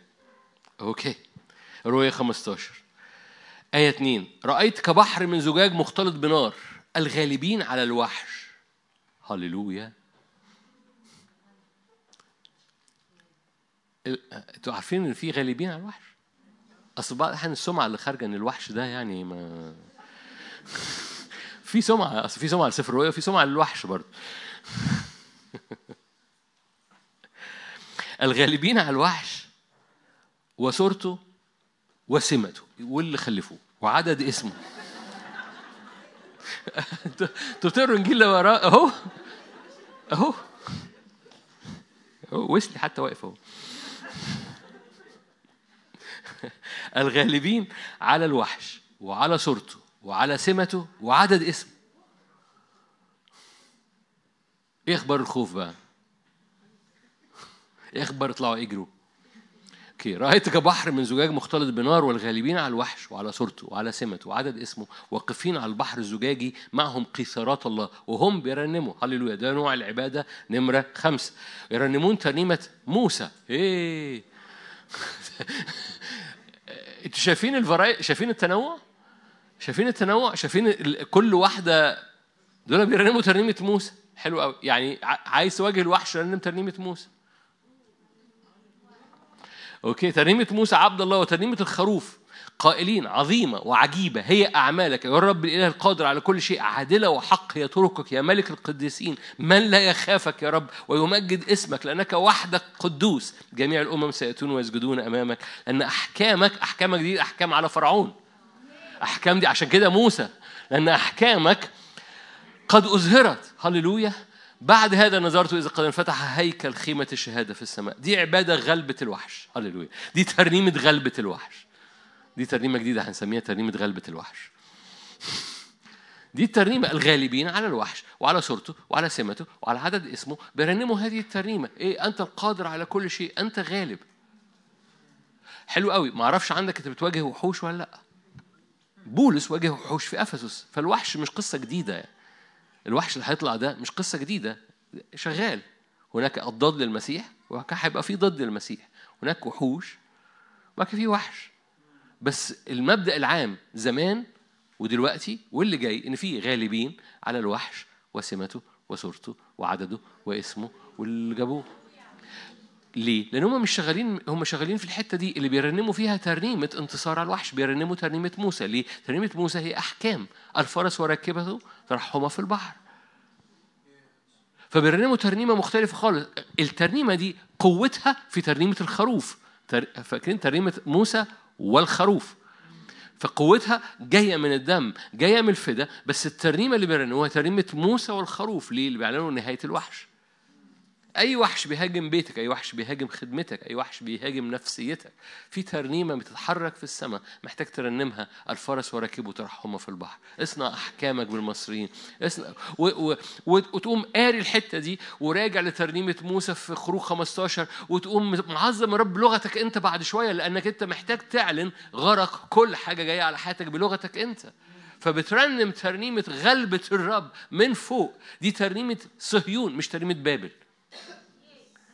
لو رنمتها من بابل بتطلع مكسورة لو رنمتها من صهيون بتطلع مختلفة رؤية 15 تعال نروح على اللي وراها كل واحدة راحت. رؤية 19 دي الترنيمة نمرة 6 إحنا خلصنا أهو. هللويا. بعد هذا سمعت صوت عظيم. خلي بالك دي إيه إيه, إيه ليه التجميع اللي أنا بجمعها لك دي؟ دي ترنيمة كل عبادة جماعية موجودة في سفر الرؤيا عبادة جماعية. يعني فيها جمع عظيم فيها الشيوخ كلهم سجدوا وهكذا والملائكة كلهم.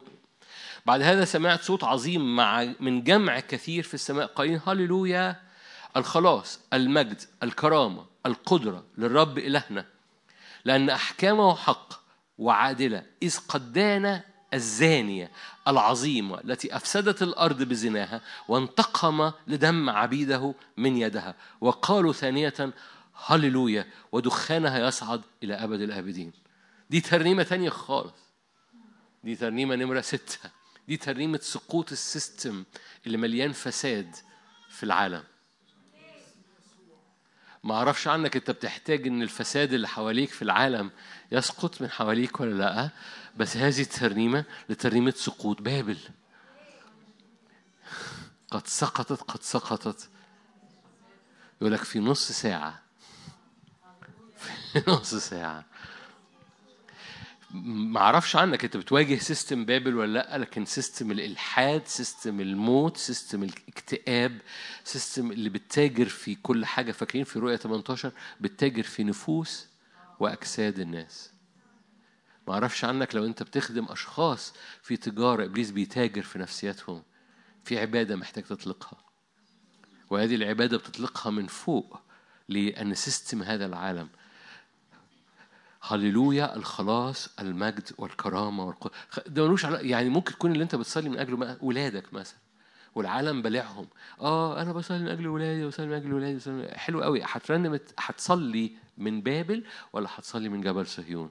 لو هتصلي من جبل صهيون اللغة تانية خالص. لغة تانية خالص. اللغة بتقول إيه؟ هللويا. أنا بصلي من أجل ولادي. هللويا. أنت مش عارف ولادي بيمروا بإيه؟ هللويا. الخلاص المجد الكرامة القدرة للرب إلهنا أحكامه حق وعادلة قد دان الزانية اللي بلع أولادي. حد فاهم حاجة؟ حد فاهم؟ دي ترنيمة ضد ال system. system العالم اللي بيرمي مية باردة بيرمي ابتلاع بيرمي إلحاد بيرمي أي قيم العالم. قد دان الزانية العظيمة التي أفسدت الأرض بزناها وانتقم لدم عبيده من يدها. وقالوا ثانية عشان لو الأولانية ما جابتش تجيب الثانية. فاضل ترنيمة واحدة؟ قصيرة برضه. من نفس الإصحاح. آية خمسة. خلي بالك. أظن خدتوا بالكم دلوقتي إن كل ترنيمة إيه؟ راحة حتة. رؤية 19 6 سمعت صوت جمع كثير. مرة تاني أؤكد لك إن كل السبع مرات دول هي عبادة جماعية تسبيح خارج في العرش ولما بنتحد الكنيسة مسبق الكنيسة بتاعتنا متثبتة في العرش بتاعتنا يعني الكنيسة اللي على الأرض متثبتة على العرش دي كنيسة بترنم ترنيمات خارجة من العرش وفي محور عبادة. كل واحد منهم بيجيب حاجة تانية. آية ستة سمعت كصوت جمع كثير كصوت مياه كثيرة كصوت رعود شديدة. خلي بالك صوت جمع صوت مية صوت رعد. يمكن الأسبوع الجاي نتكلم عن أنواع الصوت. قائلا هللويا فإنه قد ملك الرب الإله القادر على كل شيء لنفرح ونتهلل ونعطيه المجد لأن حاجة تانية خالص بقى.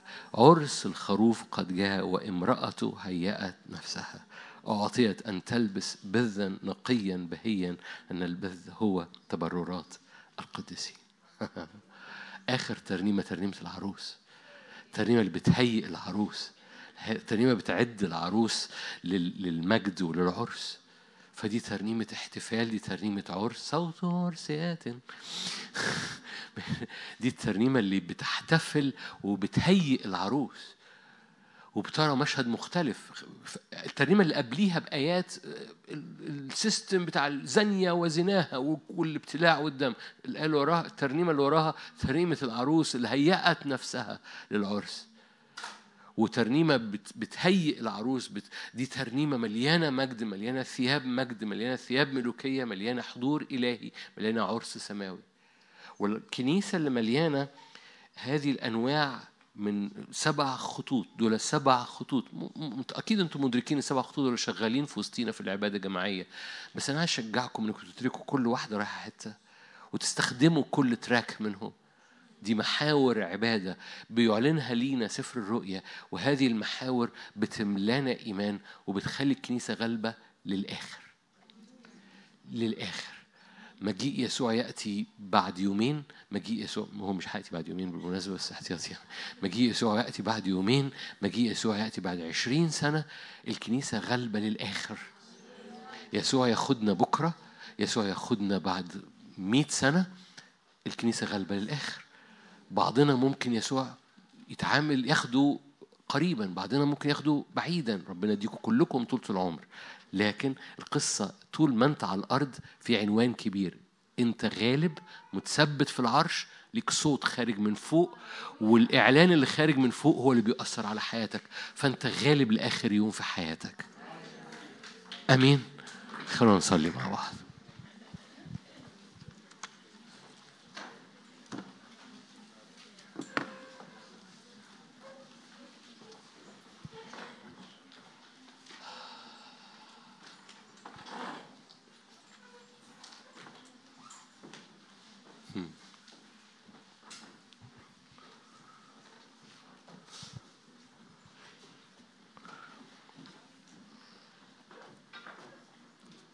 هللويا مم. ارفع إيدك قاعد أو واقف أو في البيت؟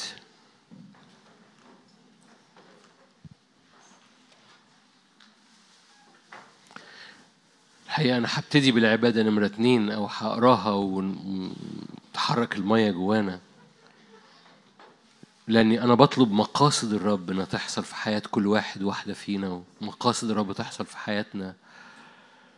بطلب إن مقاصد الرب تملى أجواءنا وبيوتنا. كل أسفار وأختام مليانة مقاصد إلهية على بيتك على حياتك على شغلك على أولادك على شبابك وعلى الأجواء المحيطة بيك. لأن السفر اللي بيتفتح في مقاصد الرب من جهتك والأختام اللي بتتفتح فيها مقاصد الرب من أجل الظروف اللي حواليك. عشان كده عظموا الخروف المستحق أن يفتح السفر ويفك الختوم. السفر مليان مقاصد إلهية. ليك وليكي ومليان أختام تصنع مقاصد الرب على العالم وعلى الأرض حواليك. مستحق أنت أن تأخذ السفر. ارفع عينك وارفع قلبك بنكلم السيد. مستحق أنت أن تفتح السفر. تفتح ختومه. لأنك ذبحت واشتريتنا لله بدمك. أنت فادينا إحنا ملكية. رفعتنا أجلستنا معاك. إحنا ممثلين في العرش. إحنا ممثلين فيك ممثلين في الأربعة وعشرين عرش. ممثلين في الصلاة اللي خارجة ببخور قدامك. لسنا ملكا لأنفسنا. مش جايين لك بصلاحنا أو برنا أو بتقوانا. مش جايين لك ب باعتمادنا على ذكائنا أو على عينينا أو على العيان بتاعنا. مش جايين لك ب جايين لك بنعلن إنك أنت فادي. إحنا ملكية خاصة ليك. ولينا حي. أنت ولينا. أنت الخروف المذبوح القائم. قائم كأنه مذبوح. مليان قوة كاملة سبع قرون وسبع أعين. هي سبع أرواح الله المتحركة المرسلة إلى كل الأرض. مستحق أنت لأنك اشتريتنا. لله بدمك من كل قبيلة لسان شعب وأمة جعلتنا. ثبتنا قدامك. هللويا. ارفع عينيك وارفع قلبك وارفع إيدك في بيتك أو في القاعة هنا و... بنعظمك لأنك أنت الفادي اللي بتفتح السفر. لا تبقى أمور في السفر مش بتحصل في حياتنا لا تبقى أمور في القصد الإلهي مش بتحصل في حياتنا. بنعظمك لأنك اشتريتنا فأنت مستحق أن تفتح السفر وتفك الختوم. أنت تأخذ القدرة والغنى والحكمة والقوة والكرامة والمجد والبركة. أنت مرتفع لا يعوق هللويا لا يعوق مقاصدك في حياتنا شيء. ف... فالكنيسة بتقف في مكان التأثير. الكنيسة بتقف في مكان التأثير. افرض يحصل افرض ما يحصلش. تعالوا نعبد عبادة العرش لأن عبادة العرش بتضمن إن السفر يتفتح والأختام تتكسر. هللويا. عبادة العرش بتضمن إن القصد يتم. عبادة العرش بتضمن تتميم القصد على حياتك. فارفع إيدك معايا. هللويا. لو بتقول إيه اللي يضمني لو انت في البيت وبتقول إيه اللي يضمني إن تحصل استجابة؟ أي حاجة مكتوبة في قصد الرب المكتوب في السفر اللي باسمك عبادتك في العرش بتفتح لك السفر وبتفك أختامه. مش بس عليك وعلى ظروفك وعلى أجواءك وعلى الأحوال حواليك. لأن الاختام دي بتشمل العالم كله. بنعظمك بنعظمك لأنك اشتريتنا اشتريتنا اشتريتنا بدمك. اعلن معايا اشتريتنا بدمك. اعلن معايا من فضلك. خلي خلي صوتك يخرج. أنا بديك صلاحية تعمل دوشة في الاجتماع ده. اعلنوا كده اشتريتنا بدمك. اشتريتنا. لسنا ملك أنفسنا. أحيا لا أنا اشتريتنا بدمك. هللويا. أنت فادينا. أنت القائم كأنك مذبوح. هللويا. اللي ملقان أعين ملقان قوة ملقان قدرة لك المجد والكرامة والبركة. اشتريتنا. لا يعوقك شيء لا يعوق قصدك شيء لا يعوق سفرك شيء لا يعوق قصدك شيء. بنعظمك لأنك اشتريتنا. هللويا. حارب بالترنيمة رنم الترنيمة جوه قلبك بلغتك. أنا برنم كده أنا برنم. أنا برنم كده أنا بعظمه بعليه هو ده. باخد الخط بتاع الترنيمة دي وبرنم. باسم يسوع لأنك اشتريتنا بدمك. أسجد أمامك أخضع لشخصك أنحني أمام عرشك. أرفع يدي لك هللويا. أسجد مجدا لاسمك أعبدك بالروح.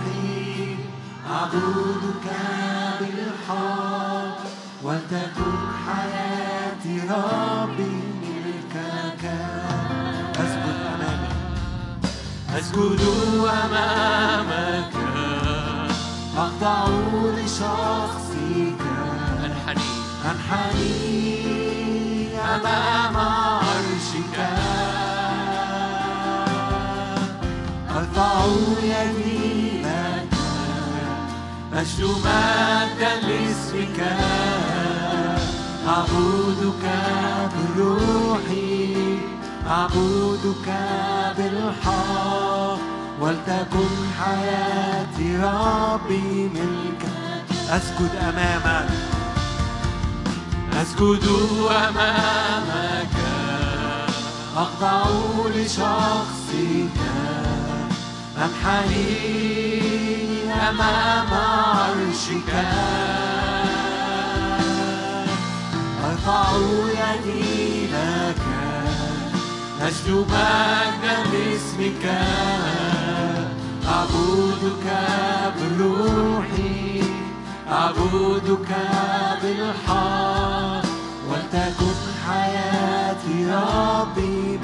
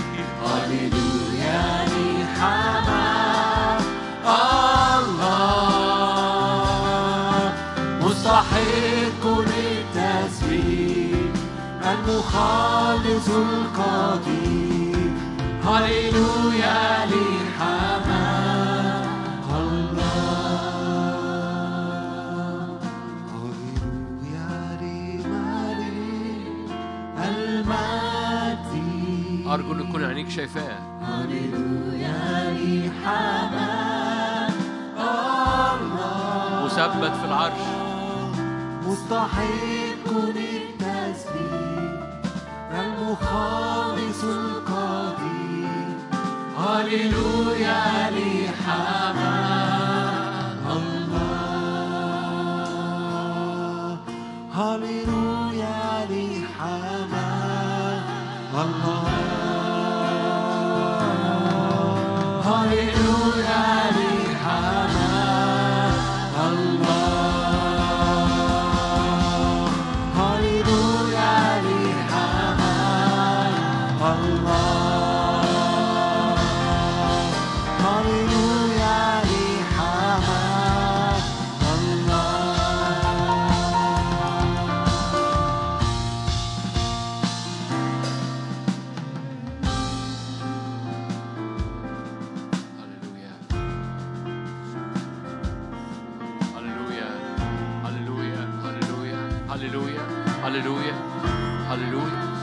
ردد هللويا جواك رددها ليك رددها جواك. هللويا للجالس هللويا للقائم هللويا للملك هللويا للغالب هللويا لإلهي هللويا لربي هللويا لملكي هللويا للخالق هللويا للقادر على كل شيء هللويا للكائن الذي كان والذي يأتي هللويا للملك هللويا لدايس الوحش وسمته وعدده وأرقامه هللويا هللويا. هللويا هللويا هللويا للعالي المرتفع. هللويا للملك. مجرد إعلن هللويا هللويا يعني سبحوا الرب. أنا بسبحك أنا بعليك. هللويا للملك. أنا برفع الهللويا بتاعي كبخور قدامك كبخور صاعد. هللويا هللويا للمستحق أن يأخذ الكرامة. هللويا لك لأنك اشتريتنا. هللويا لأنك بتبررنا بتغطينا بثياب بيضاء. حماية غير عادية. هللويا هللويا لأنك حامينا بثياب بر. هللويا بر قديسين هللويا. هللويا لأنك بتغطي العروس هللويا لأنك هللويا هللويا هللويا هللويا. هللويا. مستحق أيها الرب أن تأخذ المجد. مستحق أيها الرب أن تأخذ الكرامة مستحق. أيها الرب أن تأخذ القدرة. مستحق. أيها الرب أن تأخذ السلطان. للأبد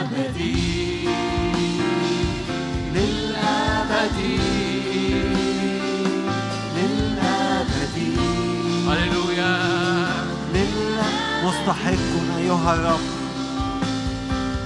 مستحق أيها الرب. أن تأخذ المجد.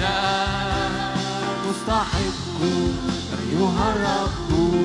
أن تأخذ الكرامة. مستحق أيها الرب. أن تأخذ القدرة. مستحق أيها الرب. السلطان للأبد هللويا. للأبد للأبد للأبد لأنك ذبحت واشتريتنا لأنك ذبحت واشتريتنا لله بدمك لكل شعب وأمة ولسان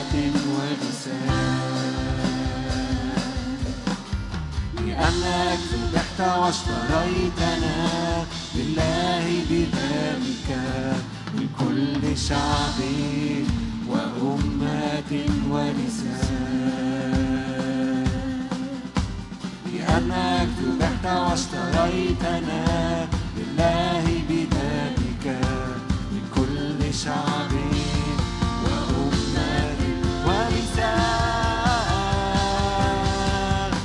مستحق أيها الرب أن تأخذ المجد مستحق أيها الرب أن تأخذ الكرامة مستحق أيها الرب أن تأخذ السلطان مستحق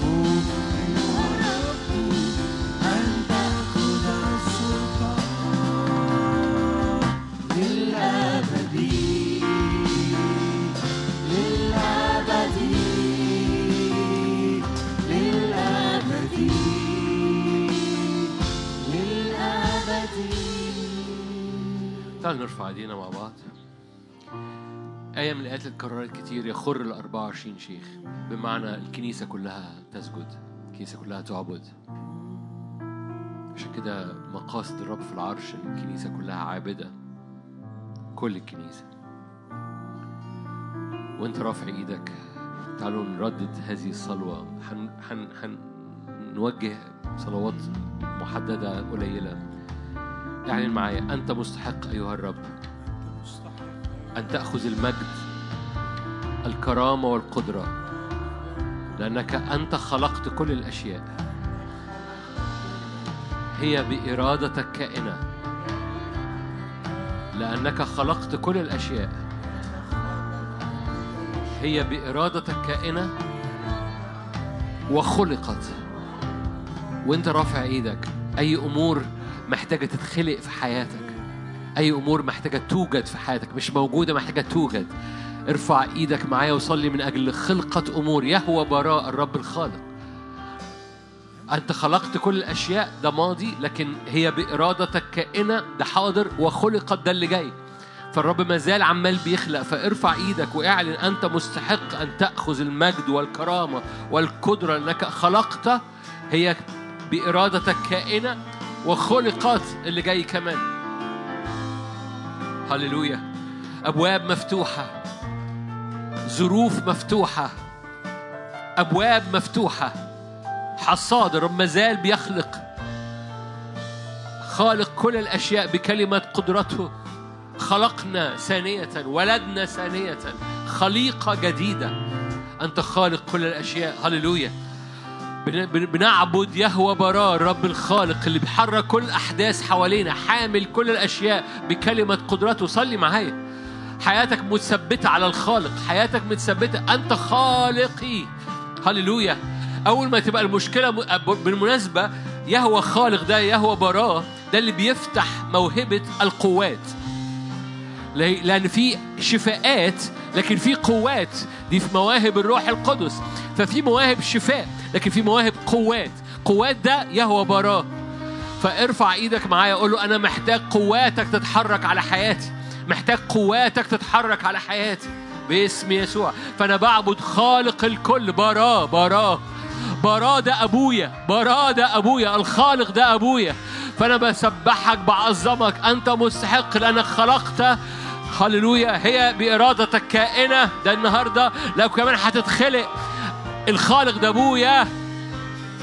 بعظمك بسبحك بعليك.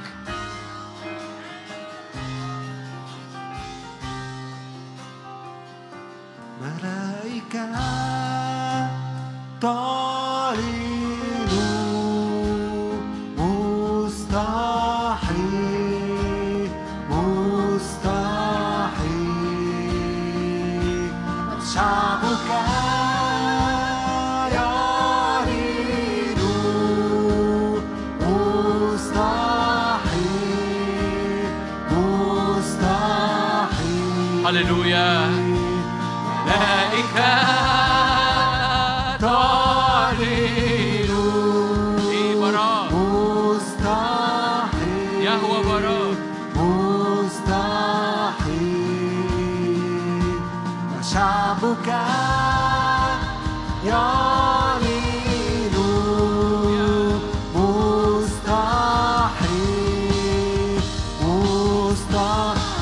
نعطي مجدا. لك نعطي مجدا. نعطي مجدا. لك نعطي مجدا. نعطي مجدا. لك نعطي مجدا. نعطي مجدا. لك نعطي مجدا. لك نعطي مجدا. نعطي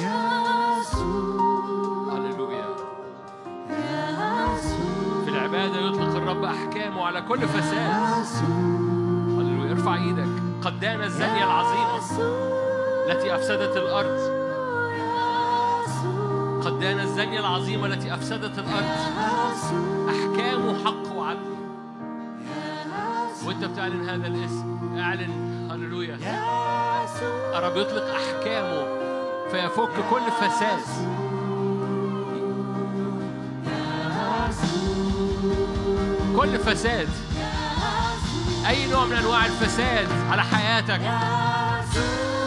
فساد خطية فساد رميء إبليس فساد رميء أسحار فساد رميء أزمنة قديمة. قد دان الرب الزانية العظيمة. هللويا. أحكامه حق وعدل قالوا. هللويا. انتقم الرب لدم عبيده. هللويا. الخلاص والمجد والكرامة والقدرة للرب إلهنا. إيدك جواك. انت محتاج تقولها. الرب قد الزانية العظيمة التي أفسدت الأرض بزناها. أي فساد في أرضي أي فساد في أرضي. إن كان بخطية طبيعية إن كان بحاجات رماها إبليس إن كان بخطية نجاسة أو إن كان بأي نوع من أنواع الخطية. فساد في الالتواء فساد في المشاعر فساد في الهوية. أي نوع فساد هي بتتاجر في نفوس وأجساد الناس. هللويا. فاعلن معايا. قد دان الرب الزانية العظيمة التي أفسدت أرضي. خدها أفسدت الأرض بزناها. هللويا. لا فساد في أرضي. قد دان الرب. أحكامه حق وعدل. فأنا بعظم الملك القادر على كل شيء الذي يدين. هللويا. الزانية التي أفسدت أرضي. هللويا. السيستم اللي أفسد أرضي. أطلب أحكام الرب. هللويا أطلب أحكام الرب التي تدين الزانية التي أفسدت أرضي. هللويا لا إفساد في أرضي. صلي بقى. لا إفساد في أرضي. أنا بعظم الملك بعظم القدير الجبار. لا إفساد في أرضي. أحكامه حق وعدل.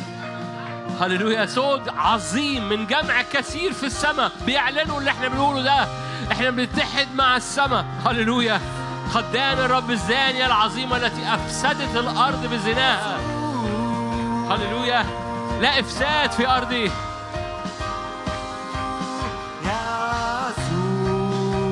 هللويا. يا يسوع يا يسوع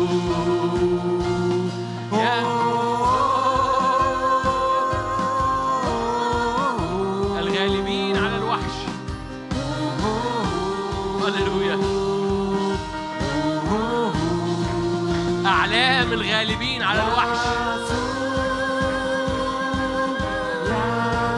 على صورته على سمته على اسمه. هللويا. هللويا. اعلن بإيمان الغالبين. الغالبين على الوحش.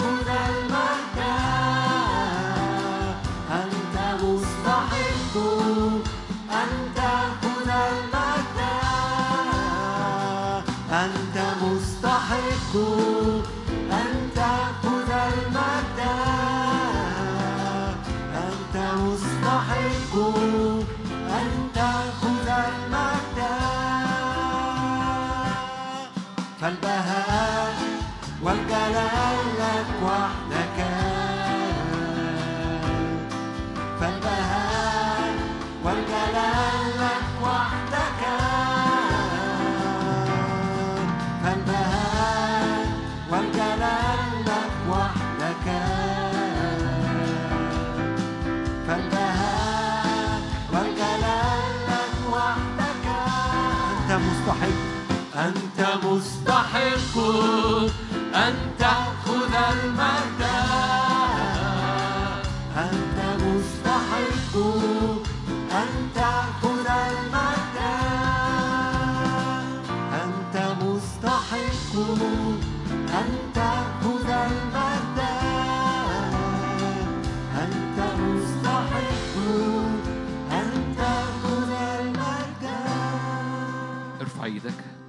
هللويا بأعذب الألحان بالأيدي صفقوا بسيد الأكوان غنوا ورنموا بأعذب الألحان بالأيدي صفقوا بسيد الأكوان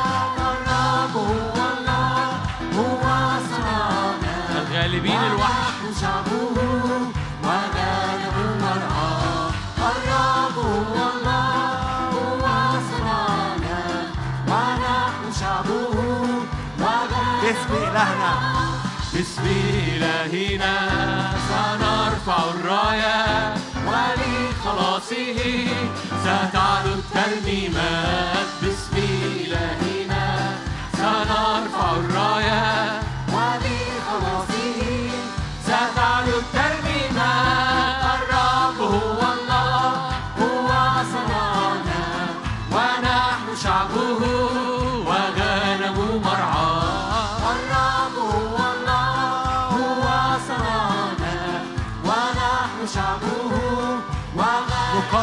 المجد نقدم المجد لساكن السماء. ونسبح الحمد. لمن في وسطنا.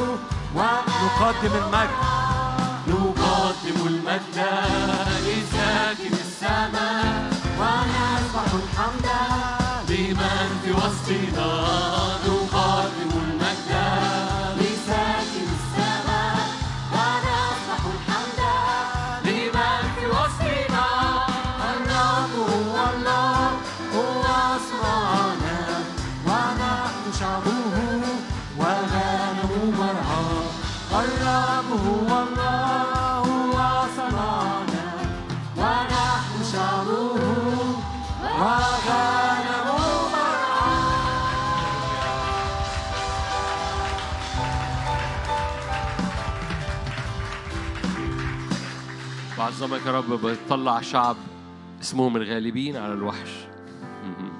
بتطلع شعب اسمهم الغالبين على الوحش وصورته وعلى سمته وعدد اسمه.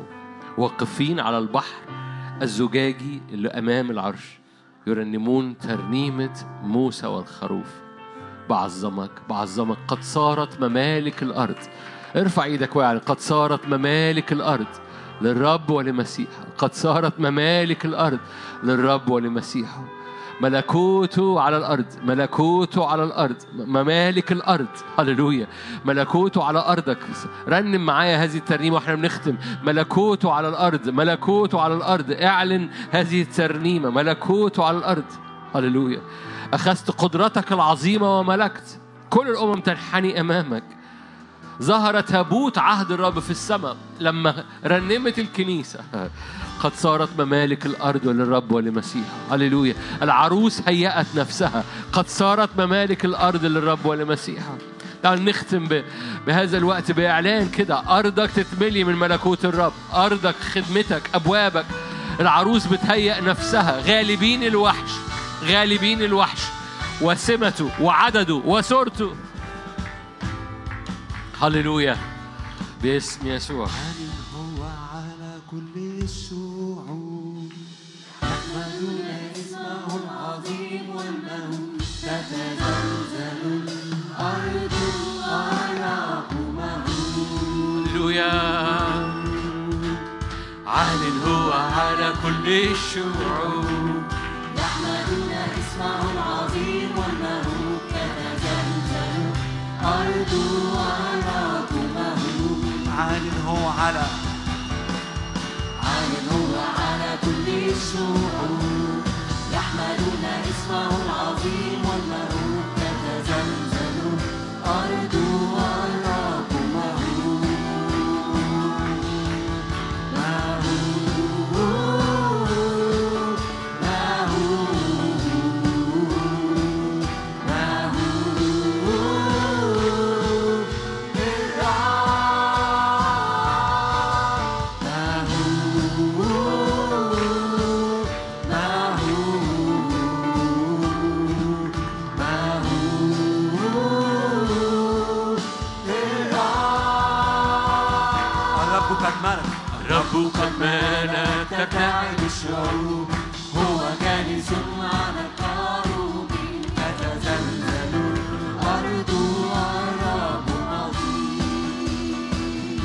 قد ملك. الرب قد ملك ترتعد الشعوب هو جالس على الكروب تتزلزل الأرض والرب عظيم. الرب قد ملك الرب قد ملك ترتعد الشعوب هو جالس على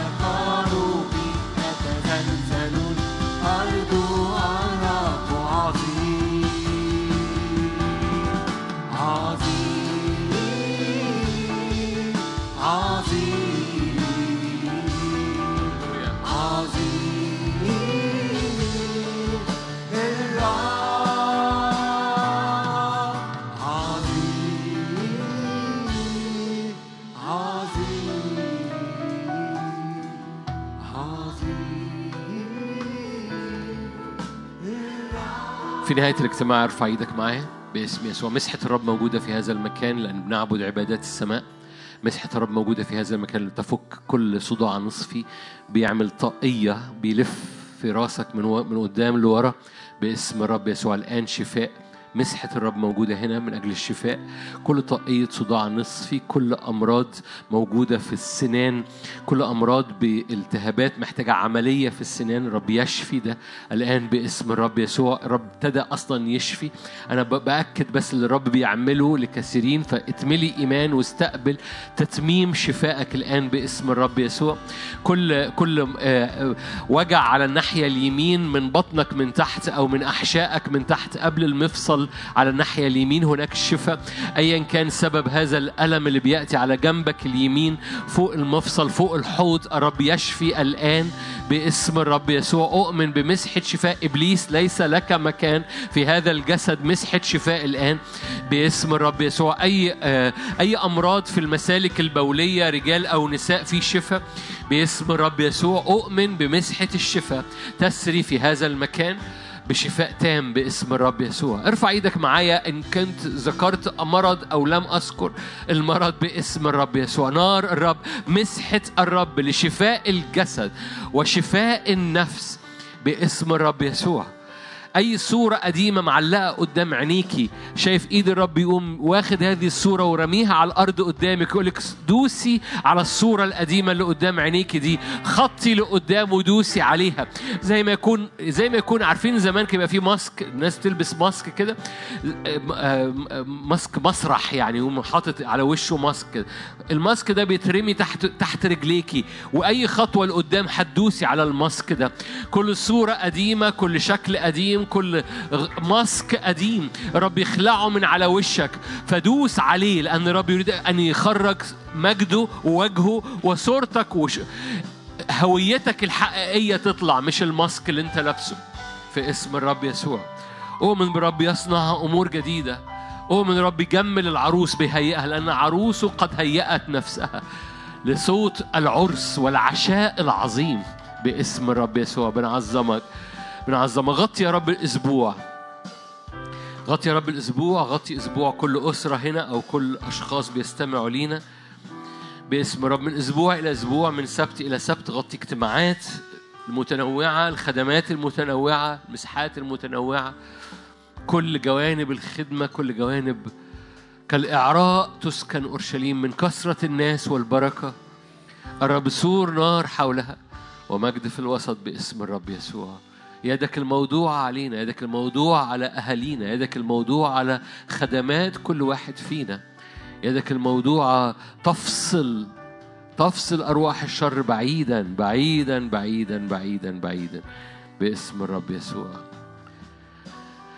محبة الله الآب نعمة ربنا يسوع المسيح شركة وعطية الروح القدس تكون معنا تدوم فينا من الآن وإلى الأبد. أمين. ربنا معاكم ربنا معاكم صلي وقت قليل.